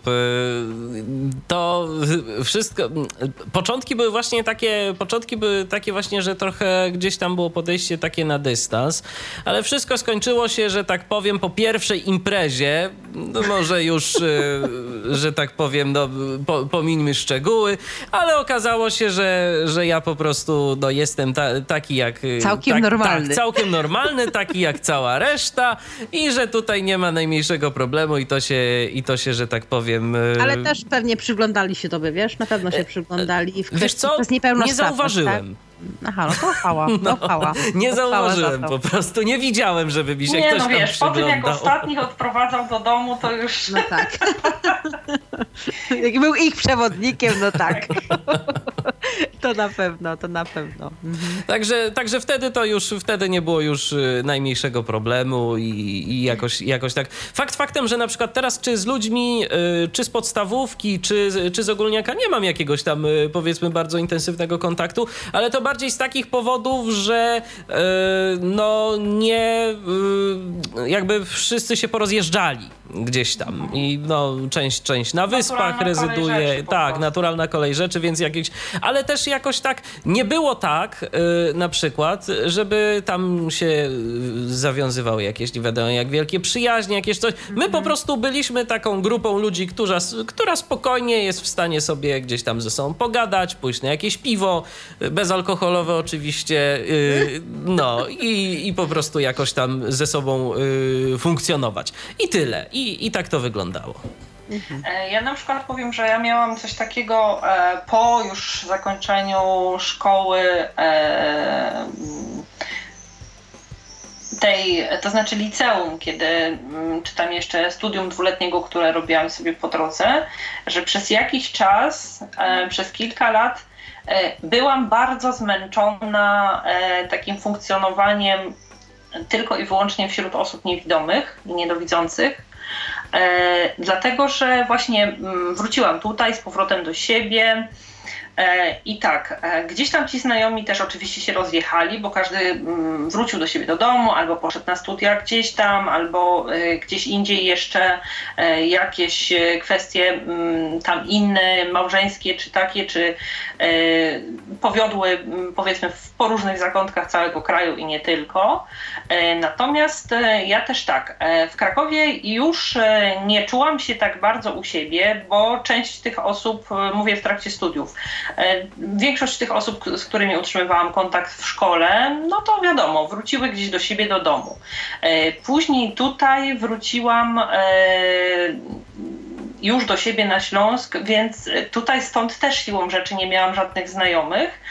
E, ale z jednej strony właśnie miałam coś takiego, że byłam zmęczona właśnie funkcjonowaniem tylko jakby e, w tym e, środowisku właśnie osób niedowidzących i niewidomych i na, w trakcie tam pierwszego roku studiów tak bardzo żadliwie, zapaleńczo szukałam kontaktów pośród osób zdrowych E, znaczy zdrowych w sensie pośród osób e, bez dysfunkcji wzroku. Natomiast e, później jakoś się, jakby się to uspokoiło, wyrównało wszystko i stwierdziłam, że nie jest kwestią tego, czy to mają być znajomi tylko z grona osób niepełnosprawnych, czy z grona tylko z osób pełnosprawnych. Ważne jest to, jaki, jaki to jest człowiek i te mhm. kontakty dobre, które zachowałam na przykład z czasu studiowania, albo te kontakty dobre z osobami pełnosprawnymi, które udało mi się nawiązać, tutaj mam do dziś. I tak samo też y, jakoś właśnie z tymi osobami, z którymi miałam kontakt później i utrzymały się jakieś przyjaźnie właśnie jeszcze z lat szkolnych i tak dalej, do dziś je utrzymuję, ale już nie rozgraniczam, że koniecznie muszę mieć samych jakichś znajomych tam, nie wiem, zdrowych, samych znajomych, e, tak jakby to zmęczenie już przestało, albo e, że właśnie tylko e, osoby niedowidzące czy niewidome. To zmęczenie po pewnym czasie jakby e, opuściło mnie i już nie rzutowało Ale to jest tak chyba na też to. taka kwestia dojrzałości, wiesz, tak mi się wydaje. I perspektywy jakiegoś takiego zupełnie innego po- Dojrzałości tak, ale zmęczenia też, po prostu takiego, Mhm. wiesz, e, próbowałam czegoś tam nowego, jakoś tam, wiesz, właśnie się otworzyć i tak dalej, bo jednak e, powiedzmy 8 lat szkoły podstawowej plus 4 liceum to jest, e, No to jest kawał życia. wpływa na taką alienację, Tak, bo tak. w domu nie masz znajomych, no bo mm, oczywiście są jakieś tam koleżanki, nie wiem, z sąsiedztwa, czy gdzieś, z którymi się widujesz, jak Tak, Ale jesteś w soboty jest czy w niedzielę To nie jest to. nie jest to, więc y, to Mhm. jest. y, Właśnie chciałam Cię zapytać, Bożena, Ty uważasz, że mm, taka edukacja, nie wiem, e, w ośrodku, Ciebie Michale też o to zapytam, bo przecież fakt, że nie byłeś w ośrodku nie sprawia, że nie masz zdania Mhm. na ten temat. E, jakoś wpływa na to, że mm, ludzie później czują się wyalienowani, czy trudniej funkcjonują e, w środowisku osób pełnosprawnych? Znaczy, e, troszkę trafiają- tak, troszkę się z tobą zgodzę, troszkę tak. Znaczy tak, ja uważam, że ja zawsze wychodziłam z takiej, no byłam taka ostrożna może też do ludzi, ale yy, hmm, czego mnie ta sytuacja nauczyła, że ja się muszę sprzedać, że tak powiem, tak? Żeby to środowisko, no, które nas otacza dookoła, żeby mnie zaakceptowało taką, jaką jestem. Więc w tym momencie ja się muszę umieć no, jakoś tak dostosować też do tych, do tych sytuacji. Dla mnie takim właśnie momentem były studia.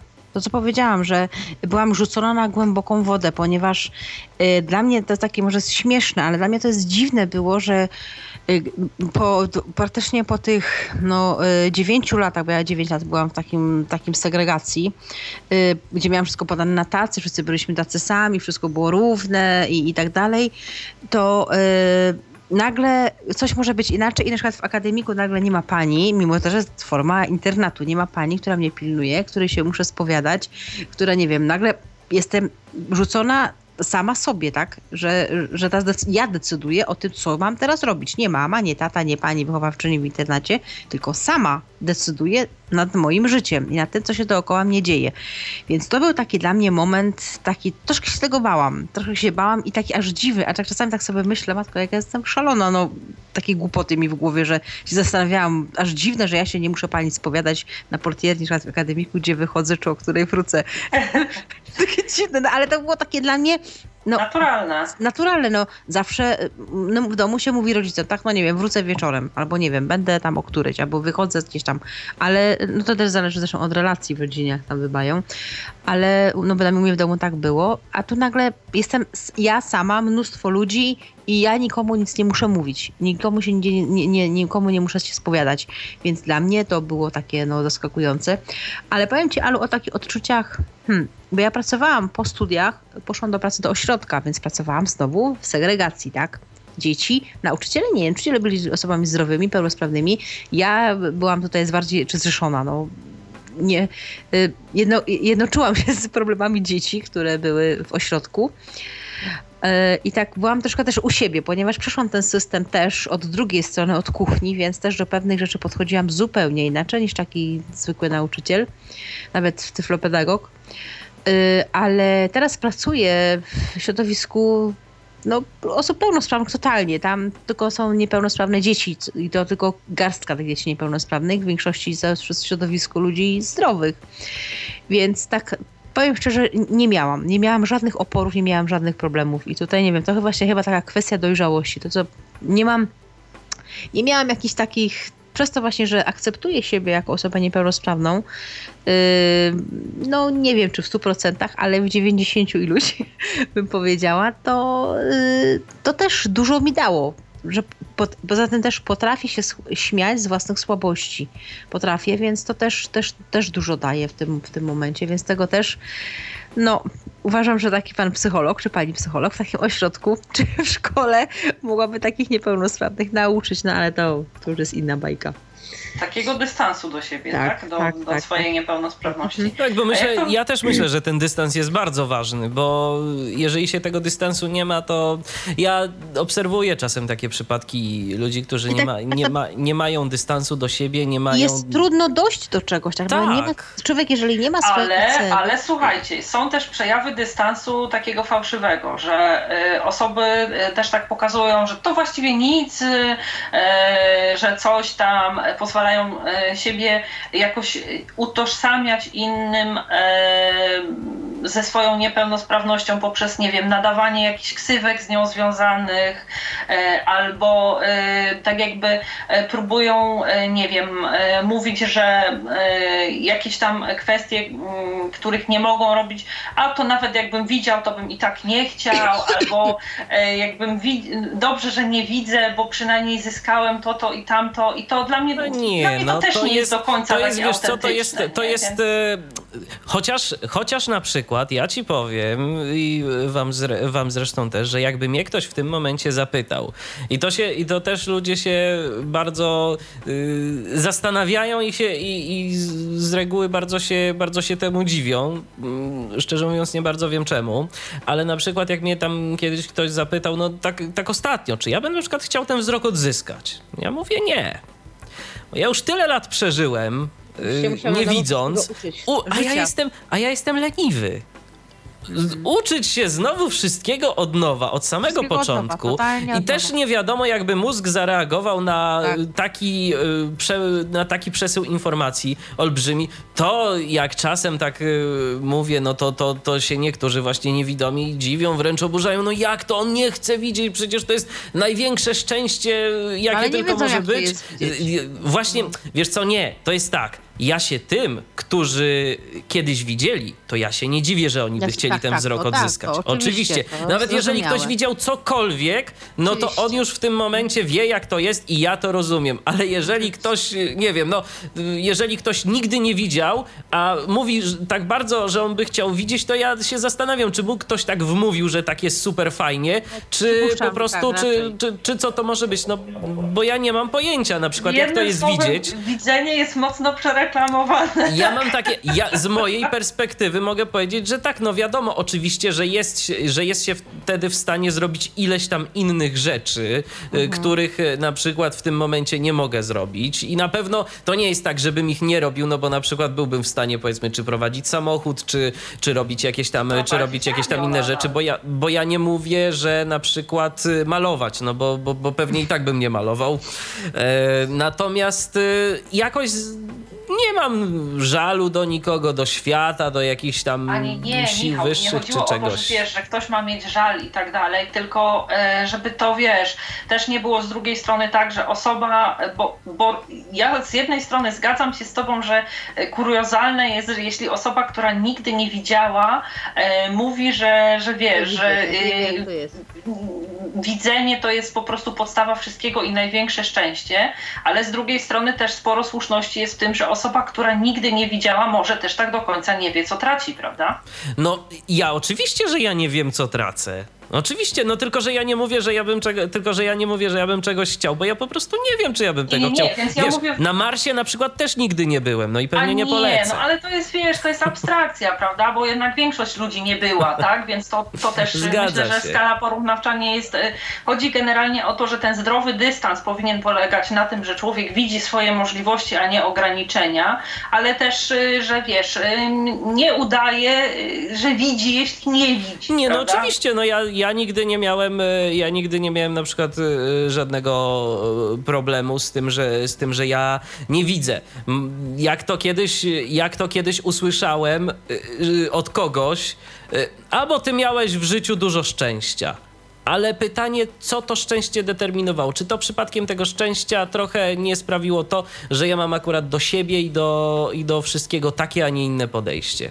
Pewnie, bardzo a akurat, a mam bardzo, więc... a mam bardzo duże y, szanse przypuszczać, że akurat z osobą, o której y, mówiłem y, i którą mam tu na myśli, oczywiście nie będę mówił, kto to jest, y, natomiast, y, że ta osoba, y, ona ma bardzo duże, bardzo duży żal do tego, że, że nie widzi i jest tak dosyć negatywnie nastawiona.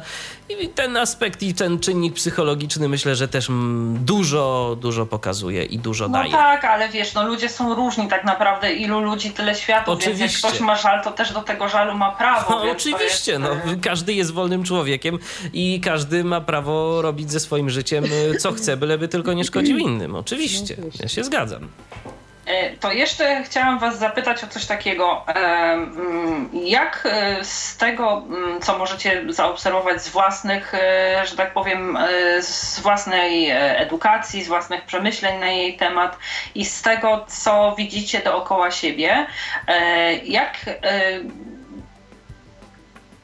to, jaką formę edukacji wybraliśmy, czy też wybrano za nas w osobach naszych rodziców w przeszłości, e, rzutuje na e, naszą przyszłość, na przykład e, jako mm, przy wyborze później studiów, przy wyborze i możliwości naszych na rynku pracy. E, może na razie na tym się skupmy. Mm, to powiedz Boże, no, od Ciebie W moim przypadku to, to jest po prostu oczywiste i jasne. Ja tak naprawdę, y, no, przyglądając się pracy nauczycielom, którzy mnie uczyli w szkole średniej, w liceum, no mi się to spodobało. Mi się, podobała, mi się spodobała praca z niewidomymi. I tak dlatego zdecydowałam, że zostanę tyflopedagogiem. Więc na pewno jakiś pobyt w ośrodku miał poniekąd wpływ na tą moją przyszłość, tak? A w tym ogólnym aspekcie, e, jak ludzie sobie radzą później e, z Twojego odczucia na e, rynku pracy, czy też później na studiach? Ja myślę, że to jest sprawa bardzo indywidualna, bo mhm. też no, znamy też mnóstwo ludzi, którzy naprawdę osiągnęli ogromne sukcesy przez to, że przeszli z takich cieplarnianych takich warunków do takiego życia no, prawdziwego, które nie zawsze jest usłane różami, tak? I nie zawsze mają mhm. wszystko podane na tacy. Więc y, co jest? No jest w ośrodku, no nie oszukujmy się, jest, bo po prostu jak szkole tam jest wszystko tak naprawdę, tam jest wszystko y, pokazane, podane, y, że tak powiem, zrobione za nas też czasem, gdzie... No, I w porównaniu z takim nakładem pracy, jaką musiał włożyć na przykład tak. Michał i jego rodzice, tak, to, to, jest, to, to jest naprawdę, to po prostu, wysiłek. Oczywiście, więc w tym momencie to jest kwestia charakteru, no, tych indywidualnych możliwości na pewno. Yy, takiego też, no tak mówisz, Alu, niektórzy ludzie po prostu wyjechali do swoich domów i tam siedzą w tych swoich domach, a niektórzy ludzie po prostu stwierdzili, że nie ma co siedzieć w domu, tylko trzeba po prostu iść dalej. Więc to też, no, to, to, to jest ich determinacja i takie, no, ch chcenie, nie wiem, taka chęć yy, zdobywania wiedzy na, dalej, no i też zdobywania też ku temu też jakiejś, no, pracy, prawda, no i funduszy. Ja na przykład nauczyłam się takiego hmm, patrzenia też, że ja sobie właśnie muszę poradzić i ja tego nauczyłam moją rodzinę. Ja nie wiem tak naprawdę, czy gdybym naprawdę takie miała duże trudności jakieś zdrowotne, nie wiem, finansowe, czy, czy tak naprawdę ktoś w końcu by się ujął matko, no rzeczywiście tej Boże nie trzeba pomóc. A ja nauczyłam swoją rodzinę, wszystkich tak naprawdę, że ja sobie zawsze poradzę w każdej tak, sytuacji. Ja też że mam ja takie sobie to, właśnie, że ja nie wiem, czy kiedykolwiek w jakiej sytuacji bym była trudnej, czy tak naprawdę ktoś by nagle się zapaliła mu lampka, ty, słuchaj, może tej Boże nie by trzeba było pomóc, nie? Dokładnie tak. I co więcej, no. jest jeszcze kwestia taka, że ja widzę, że osoby niepełno, znaczy e, pełnosprawne o wiele częściej są gotowe prosić swoich rodziców tak, o pomoc tak, przy dzieciach. Tak. E, jakieś osoby postronne, o nie wiem, o pożyczki albo o jakieś inne. Ja po prostu dla mnie takie rzeczy, mm, że ja kogoś e, o coś tam proszę, są jakby przejawami takiego braku samodzielności jakoś fałszywie utożsamiane z moją niepełnosprawnością i staram się tego nie robić. I właśnie też mówię, że teraz y, po iluś tam latach, e, nie wiem, samodzielnego życia, prowadzenia domu, e, bycia w małżeństwie i tak dalej, jak ja się zwracam do kogoś o pomoc, to czuję większy dyskomfort niż osoba zdrowa, która tak, się zwraca tak, do kogoś. Tak, to jest takie dziwne. Skąd wow, ja ty, prosisz o, ty prosisz o pomoc, no proszę cię, przestań. Skąd ja sobie zawsze Wiecie, wiecie, dlaczego, wiecie co, ja mam taką teorię, nie wiem, czy się z nią zgodzicie. Moim zdaniem to jest, y, bo ja też tak mam oczywiście, y, to o, czy, o czym, o czym y, Alu mówisz. Ale to, to chyba jest kwestia charakteru to, jest, wiem, to, jest, to jest to, ale ja mam takie wrażenie, ja przynajmniej tak do tego podchodzę, nie wiem co wy o tym powiecie, że my się i tak w życiu o jakąś tam pomoc musimy i tak więcej naprosić niż, tak. niż zwykle, bo, no bo czasem tak jest, no, żeby coś y, powiedzmy y, w, w, części sytuacji i tak trzeba poprosić kogoś, szczególnie na przykład y, no ja, kiedy, kiedy nie widzę nic, a na przykład pracuję przy tych komputerach. No czasem jest taka sytuacja, że i tak no muszę kogoś poprosić, żeby mi pomógł. Czy w jakichś innych sytuacjach też muszę kogoś prosić, żeby Jasne. mi pomógł. I dla ja... mnie każda taka sytuacja jest, jest ciężka. Ja nie lubię tego, ale wiem, że po prostu muszę. Natomiast Natomiast ja sobie zdaję sprawę, że i tak ja się, i tak w życiu muszę dużo ludzi naprosić o różne rzeczy, o jakąś tam pomoc. Ja sobie z tego zdaję sprawę, ale po prostu tego nie lubię. No i tyle. Jasne. Ja myślę, że to też chodzi o rodzaje rzeczy, o jakie prosimy o pomoc. Dlatego, że e, na przykład jeśli ktoś tam przychodzi do mamy i mówi, mamo zostaniesz z dziećmi, a tak, zostanę. Bo na ogół dziadkowie bez protestów zostają, prawda, kochają i rozpieszczają swoje wnuki. E, ktoś tam na przykład idzie do sąsiadki i mówi, e, no proszę pani, mogę zostawić u pani klucze dla męża, bo tam nie, poszedł do pracy i nie wziął, a mnie nie będzie jak wróci. Normalna sprawa. A my prosimy o trochę inne rzeczy. Czy ktoś może nam pomóc na przykład w wypełnieniu formularza, gdzie są maleńkie rubryczki i nie jesteśmy w stanie tego zrobić. I dla osoby widzącej to jest, no kurde, no jak nie może, nie no bierze No. i pisze. No, Albo na przykład przychodzimy, bo wybiło nam bezpiecznik, nie wiem, gdzieś tam w piwnicy i nie wiemy, który to jest. No jak nie wie, kurde, widzi siódemkę nad bezpiecznikiem i po prostu wkręca i działa, nie? Więc to jest, myślę, tak. że tutaj też jest ten problem, że jakby o innego rodzaju rzeczy prosimy i to też powoduje ten dyskomfort. Albo na że... przykład jest takie, albo wiesz co, Alu, jest jeszcze coś takiego irytującego, co ja, y, y, prosty przykład z dziś. Przyszedł, przyszedł do mnie komputer e, i trzeba tam było poprzestawiać coś w BIOSie. No i siedzimy z ojcem i, i grzebiemy, kombinujemy, bo i tam był jakiś problem. Ja już po prostu też taki zirytowany mówię, no kurczę, gdyby mi to po prostu czytało, to ja bym sobie to zrobił sam. Ten tu siedzi, kombinuje, próbuje to przestawić, to przestawić, nie idzie, nie daje się tego przestawić. Ja wiem, że jakbym do tego usiadł, to, to ja bym to zrobił w chwilę. I, I nie byłoby to, nie byłoby to gdzieś tam w żadnej, yy, w żadnej sytuacji problemem. Natomiast no niestety tutaj jest kwestia tego, że, yy, że po prostu w tym momencie program odczytu ekranu zawodzi. I to, są, I to są rzeczywiście takie rzeczy, które w innej sytuacji byśmy zrobili, a yy, no niestety w tym momencie nie jesteśmy w stanie, nie jesteśmy w stanie tego, tego zrobić. No i tyle. I to, to gdzieś tam może irytować. Dobrze, to teraz jeszcze chciałam was zapytać e, Ty masz ciągle dla nas taką. jakieś pytania. Proszę? Ty masz ciągle dla nas jakieś pytania. Nie, no swoje też dorzucam, To jest taka ale... alirola. Korzystając z tego, że wiecie, że jesteście tutaj e, i mam, macie różnorakie doświadczenia i, że tak powiem, z edukacji, i ze studiów, i z życia, e, staram się, żeby to spektrum było pełne, więc dlatego stąd tyle tych pytań i staram się tak e, w miarę wszechstronnie temat zakreślić, ale powiedzcie mi, mm, jak Waszym zdaniem obie formy edukacji wpływają na przyjmowanie w przyszłości ról społecznych, e, takich jak rodzicielstwo, e, sprawdzanie się w małżeństwie, e, ogólnie, nie wiem, rozwój własnych zainteresowań i pasji właśnie, czy to nie zabija tego indywidualizmu i dążenia do pogłębiania jakichś własnych zainteresowań. E, no to może zacznijmy od Michała i później Ty Bożeno, ja na koniec też oczywiście. swoje. Y, Ja myślę, że ja myślę, że to, co y, ja gdzieś tam, y, no, ta, ta, ta edukacja, że tak powiem, w szkole masowej i to wszystko jak było, zdecydowanie nie miało wpływu negatywnego. Ja się przede wszystkim i to jest jedna rzecz, ale to jest, nie, nawet nie jest kwestia edukacji. Ja się po prostu y, nauczyłem z domu kilku rzeczy. Pierwsza rzecz to jest taka, że nic nie dostaje się za darmo.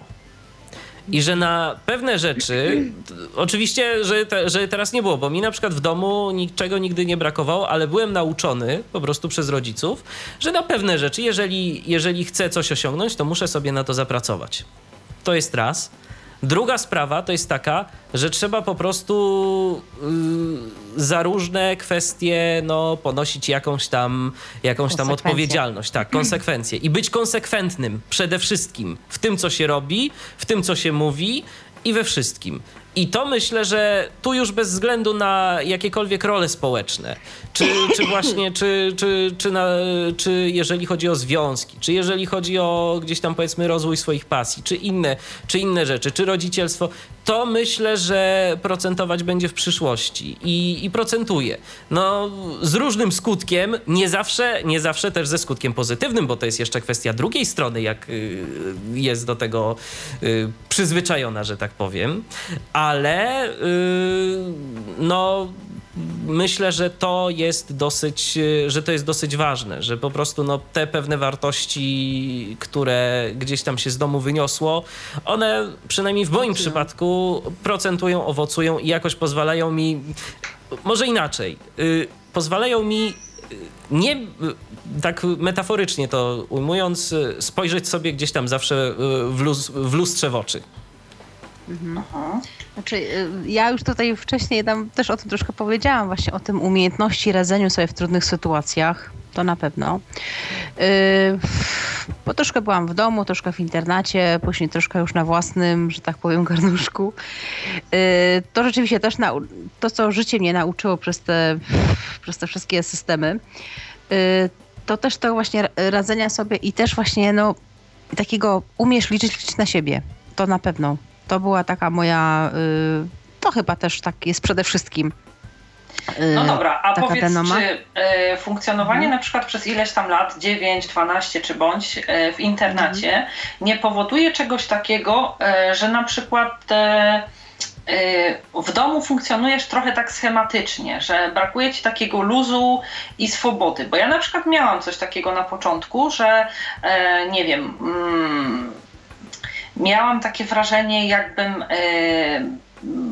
No bo wiesz, jeśli mieszkasz z ilomaś tam osobami, jest jeszcze nadzór tych wychowawców i tak dalej. Mhm. Całe szczęście, że ja miałam ten y, przeskok akademik, ale y, też y, taka kwestia, że na przykład, nie wiem. Nagle jest więcej osób, tak, w domu. właśnie musisz... nie to nawet, że mhm. więcej, bo my jesteśmy tutaj sami, ale chodzi o to, że człowiek tak nie do końca jest w stanie uwierzyć, że wie, że to jest już ten mój dom całkiem mój, mhm. na zawsze mój, stały mój i po prostu ale, wiesz. Co, Alu, to... ja się chyba nad tym nigdy nie zastanawiałam zastanawiałam tak naprawdę. Mhm. Po prostu brałam to wszystko tak, jak to szło i, i, i wiedziałam, że no po prostu muszę sobie poradzić w każdej sytuacji. Yy, I jakoś tak, znaczy nie, jakoś tak, ja bardzo szybko byłam samodzielna. I chyba dlatego też podjęcie później tego właśnie decyzji y, wyjścia za mąż, nie wiem, założenia rodziny, prawda, dzieci i tak dalej, to tak nigdy się w sumie nad tym nie zastanawiałam, czy rzeczywiście co miało wpływ tak naprawdę i czy to, czy to jest ten system całej edukacji, czy, czy tam internat, czy dom, czy właśnie to znaczy, studia, nie, czy cokolwiek. Ja nawet hmm? bym, y, że tak powiem, nie śmiałam sugerować, że na mm, decyzję, kiedy wychodzimy za mąż, czy tam Ale ja coś... nie miałam tylko, problemów, nie miałam e, problemów mm, jakichś takich. Chodziło mi o coś takiego, że tak jakby trudno się było w tym swoim życiu poczuć tak jakby e, do końca u siebie i tylko u siebie, że już z przymusu z nikim go nie dzielisz, że jest tylko twoje, że wszystkie kąty są twoje i decyzje twoje, że nie, wiesz e, nie masz czegoś takiego, że nie wiem, ktoś będzie to cenzurował jakoś, że e, są jakieś no, osoby, z ten którymi... Moment był, ten moment był taki właśnie na tych studiach, co opowiadałam, takie śmieszne hmm, sytuacje, hmm.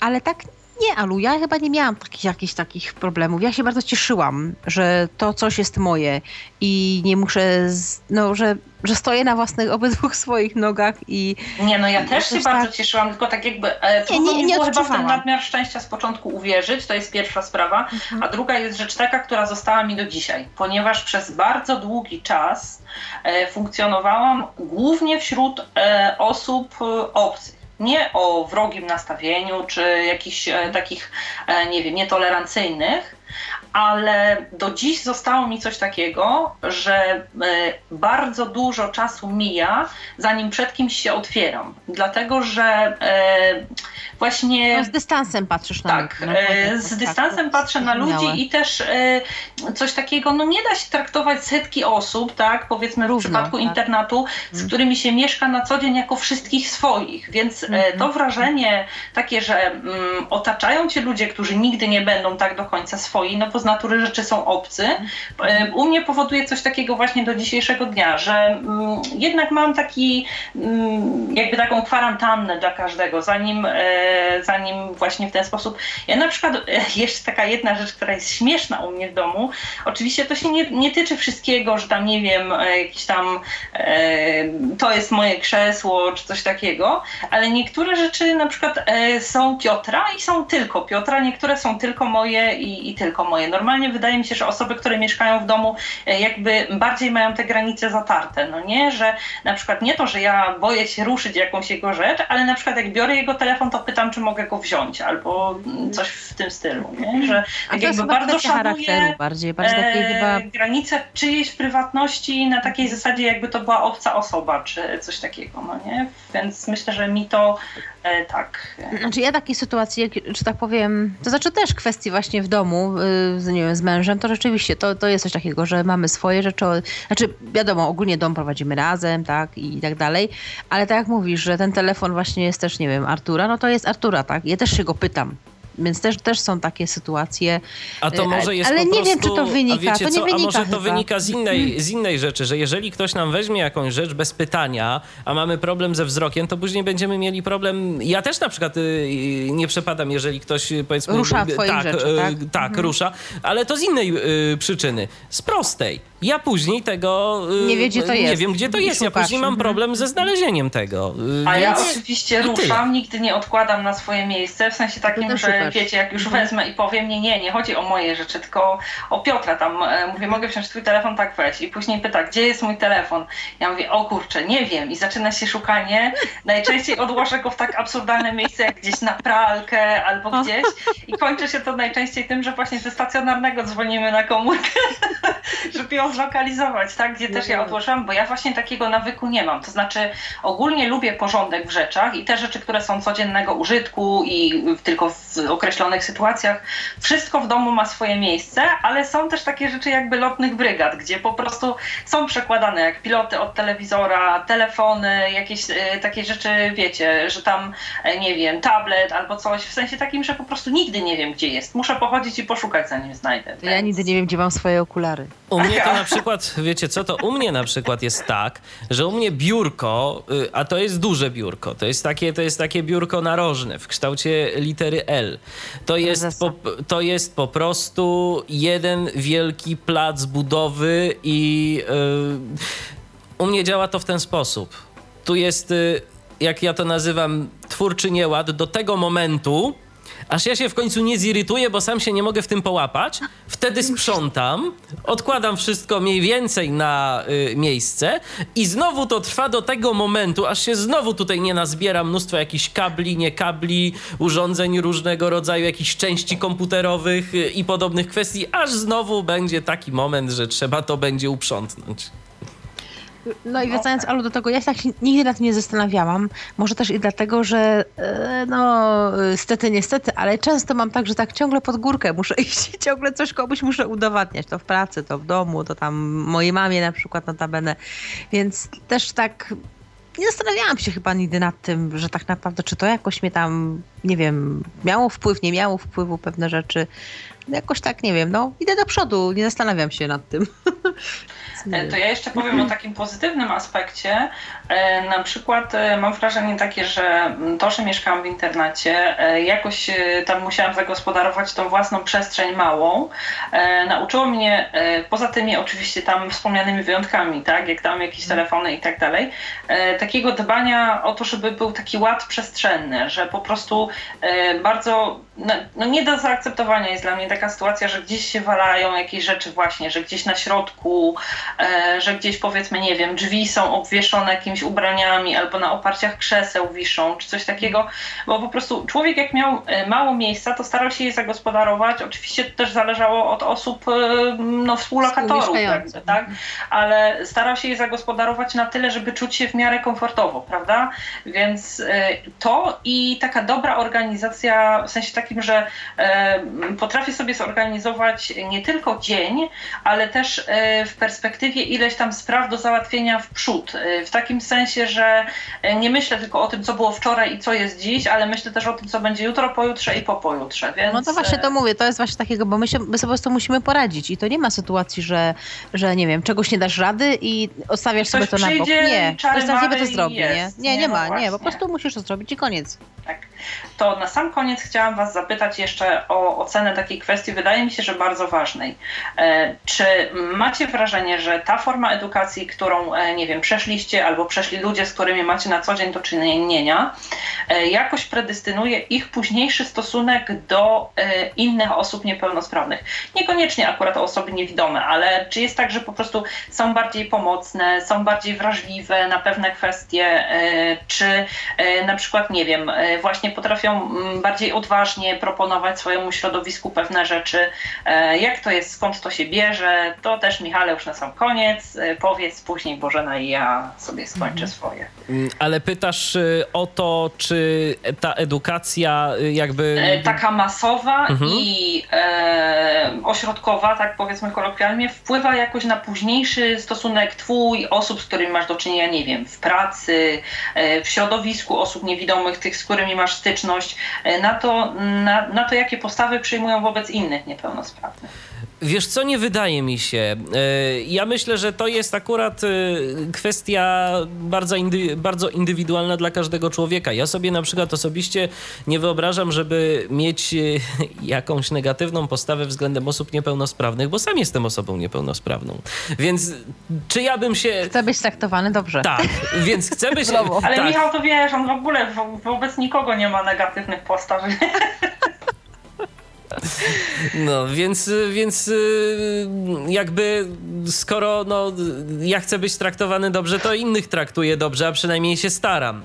Yy, bo, bo wierzę w to, że jak że coś powiedzmy, jak dajesz z siebie coś dobrego, to do ciebie to wróci. Więc to, tak, to, to nie tak, jest takie jest bezinteresowne. To nie jest takie bezinteresowne. To jest bardzo interesowne, ale mam nadzieję, że, że z pożytkiem dla, dla wszystkich. Natomiast y, myślę, że y, to zarówno tyczyłoby się też i mm, takiej sytuacji, gdybym y, się edukował w ośrodku. No może miałbym jakieś tam, nie wiem, inne, po, trochę, trochę inne podejście. Ja się też z, takim czymś spotkałem, y, z takimi opiniami, y, że w ośrodkach, przynajmniej niektórych, to bardzo y, jest taki nacisk y, kładziony na to, że osoby niewidome, czy też słabowidzące, to one się tak bardzo muszą wykazywać. Muszą wszystko robić, może nawet i lepiej niż te osoby widzące. A ja, czego, a ja takiego ciśnienia nie mam po prostu ja wychodzę z założenia. po swojemu. Tak, ja wychodzę z takiego założenia. Ja coś zrobię tak, jak ja to jestem w stanie zrobić. Większość tych rzeczy to naprawdę nie ma jakiegoś istotnego znaczenia. To, co ja muszę zrobić, to ja wiem, że muszę zrobić i wiem, że musi to mieć jakiś poziom, no ale to są na przykład kwestie gdzieś tam powiedzmy zawodowe, czy, czy, czy rzeczy, które robię dla kogoś innego. A to, czy powiedzmy, czy ja nie wiem, zrobię coś tak, czy inaczej, tylko po to, żeby sobie udowodnić, że ja to jestem w stanie zrobić, ja nigdy czegoś takiego, ja nigdy czegoś takiego nie miałem. I to może być, i to może być ta różnica, ale nie bardzo widzę jej y, jakby związek, tak, przełożenie na kontakt z innymi osobami. Ja zawsze mam y, raczej... Akceptujesz. Tak, ja oczywiście wszystkich, wszystkich akceptuję, no chyba, że ktoś jest y, osobą ewidentnie, jak ja to mawiam czasem, upierdliwą, no to wtedy no to już jest jakby charakter osobniczy danej jednostki. Jednych się lubi, innych się nie lubi. Tak? No to jest no, to, to, to wiadomo, ale to nie dlatego, że ktoś jest niepełnosprawny czy y, pełnosprawny, tylko po prostu dlatego, że ma taki, a nie inny charakter, a to myślę, że nie może ta niepełnosprawność mieć na to wpływ, oczywiście, ale nie do końca, tylko i wyłącznie to są też różne inne mm, uwarunkowania. uwarunkowania. Tak. Ja bym tutaj też y, podpisała się po tym, co powiedział Michał. Dla mnie też nie ma znaczenia, y, jaka to jest niepełnosprawność, jaki to jest człowiek. Dla mnie walczy się człowiek i jego walory właśnie takie te osobowościowe bardziej i charakteru, charakteru cechy. Yy, bardziej mogę powiedzieć o tym, co, czego uczę dzieci, czego uczę dzieci pełnosprawne. No właśnie takiego spojrzenia, zdrowego spojrzenia na tą osobę niepełnosprawną, na to, że ona też ma ręce, głowę, nogi, nie wiem, nos, oczy, uszy. Yy, też to, że ma też emocje, yy, że ma też różne zmienności nastrojów i tak dalej. Yy, no i takiego właśnie no, zdrowego spojrzenia, nawet takich form, takich dyskusji prowadzę z dziećmi, takie na przykład jakieś tam, nagle jest jakiś konflikt w klasie, tak? Mam na przykład taką dziewczynkę, która dużo gada, jest słabowidząca, dużo gada, non stop gada i to przeszkadza dzieciom. I też w tym momencie, y, no oni nie, że jej właśnie nie lubią przez to, że ona może słabiej widzi, czy tam, nie wiem, jest niepełnosprawna, tylko właśnie przez, to, przez ten charakter, tak, że ona jest taka gaduła i to im przeszkadza. Więc y, tutaj znowu z innej strony trzeba walczyć y, z dzieciakami ale ja wiem, czy na pewno taką empatię no, trzeba wprowadzać przede wszystkim, przede wszystkim w rodziców. No, rodzice to są tą podstawową jednostką i, i takiego też pokazywania im, że ta niepełnosprawność to nie jest koniec świata. To jest bardzo trudne, wam powiem szczerze, naprawdę bardzo trudne. Y, my sobie nawet nie zdajemy sprawy y, tak naprawdę jak no wow, też, też sobie tak właśnie myślę, że no jestem wyedukowana, mam teorię, nie wiem, wzdłuż, wszerz, pojętą i tak dalej. Jednak ciężko się rozmawiać z rodzicami, bo tak naprawdę nie potrafię ich do końca zrozumieć. Bo ja nie jestem rodzicem dziecka niepełnosprawnego, więc tak naprawdę jak jestem w stanie zrozumieć słabowidzącego, czy namiastkę, jakiś tam, jakąś tam namiastką osoby niewidomej, to nie jestem w stanie zrozumieć takiego rodzica, któremu naprawdę tu jest trudno wytłumaczyć. Tu jest bardzo trudno, to jest długie, długie lata, długie, długie dyskusje, długie rozmowy. No i takie pokazywanie też no, ja swoją osobą też dużo pokazuję. Dużo pokazuję może, rodzicom, może, że można. porozmawiać ze swoją mamą, jak ona to odbierała i wtedy byłoby ci łatwiej ich zrozumieć. Moja mama jak się to odbierała? po prostu tak, że ja jestem borokiem. który no niestety, wow, taki się urodził. Ale to znaczy nie, nie wiem, to jest kwestia chyba też charakteru, takiego, nie wiem, no indywidualnego podejścia do życia, do, do, do, do różnych rzeczy nie wiem, no nie mam problemów, nie mam pro... akceptuję też każdego jak, takim, jakim jest. Wiadomo, że kogoś się lubi bardziej, kogoś nie, ale przynajmniej czego uczę dzieci? Uczę szacunku. Szacunku bez, bez wyjątku, jaka to jest osoba, kto to jest. Szacunek. Tym ja zawsze mówię, nie trzeba się lubić, nie trzeba się tam kochać, tylko trzeba po prostu się szanować, bo my jesteśmy takimi samymi ludźmi dookoła, więc, więc na to na pewno zwracam uwagę, na to bardzo. I wiedzą, że mam alergię, jak się dokucza niepełnosprawnym, to wiedzą, że pani Słowik ma alergię, i to wtedy, jak wpadam w taką łazienkę, jak tam widzę, że komuś dokuczają, czy tam komuś na przykład chłopcu słabowidzącemu takiego, no w ogóle tam jeszcze ma różne niepełnosprawności sprzężone, które nagle otwierają kabinę i się z niego wyśmiewają, no to wtedy wiedzą, że będzie siwy dym. No tak. No, ale to jest takie szans, takie szczęście, nieszczęście, nie? szkół, Oj, tak. E, myślę, że tutaj wiele osób, właśnie tak jak mówiłaś, przede wszystkim od domu, przez szkołę, też przez rówieśników, bo przecież oni też jedni na drugich wpływają, więc e, no, myślę, że po prostu człowiek dopiero jak dojrzeje, a czasem i nie wtedy nawet jest e, w stanie postrzegać tą drugą osobę przede wszystkim właśnie jako człowieka, dopiero w dalszej kolejności jako osobę niepełnosprawną. Cóż, e, miło płynął nam czas, czas długi. Bardzo Wam dziękuję, że zechcieliście tutaj podzielić się e, swoimi spostrzeżeniami, ale też swoimi osobistymi jakimiś odczuciami, że e, odważnie opowiadaliście o tym, co było czasem dla Was przykre, czasem trudne e, i że mm, z takim optymizmem i, i pogodą ducha mówiliście o tym, co jest e, wartościowe, że e, też e, z dystansem potrafiliście się odnieść i do jednej, i do drugiej formy edukacji. Państwu bardzo serdecznie dziękuję za spędzenie kolejnego wieczoru z Tyflo Podcastem w Towarzystwie Babiego Lata. A przypomnę, że moimi gośćmi byli dziś Bożena Słowik, Tyflopedagog. Dziękuję Ci bardzo, Bożeno. Dziękuję bardzo, było mi bardzo miło. I Michał Dziwisz, y, mój szef. Dziękuję Ci, Michale, bardzo. Dziękuję bardzo. Dziękuję Ci, Alu, za zaproszenie do audycji, bo to kolejne doświadczenie, jak, jak to mówiliśmy dziś przed y, audycją, że ja to się mogę stresować, bo bardzo rzadko zdarza mi się być po tej drugiej stronie w charakterze przesłuchiwanego. Mam nadzieję, że nie było to aż tak bardzo przykre doświadczenie. Nie, było bardzo miło. Bardzo tak, miłe. Dziękuję bardzo. Y, a Państwa zapraszam do wysłuchania kolejnych audycji e, z cyklu Bawie Lato. Życząc dobrej nocy, kłaniam się nisko. Ala Witek, do usłyszenia. Był to Tyflo Podcast. Pierwszy polski podcast dla niewidomych i słabowidzących. Program współfinansowany ze środków Państwowego Funduszu Rehabilitacji Osób Niepełnosprawnych.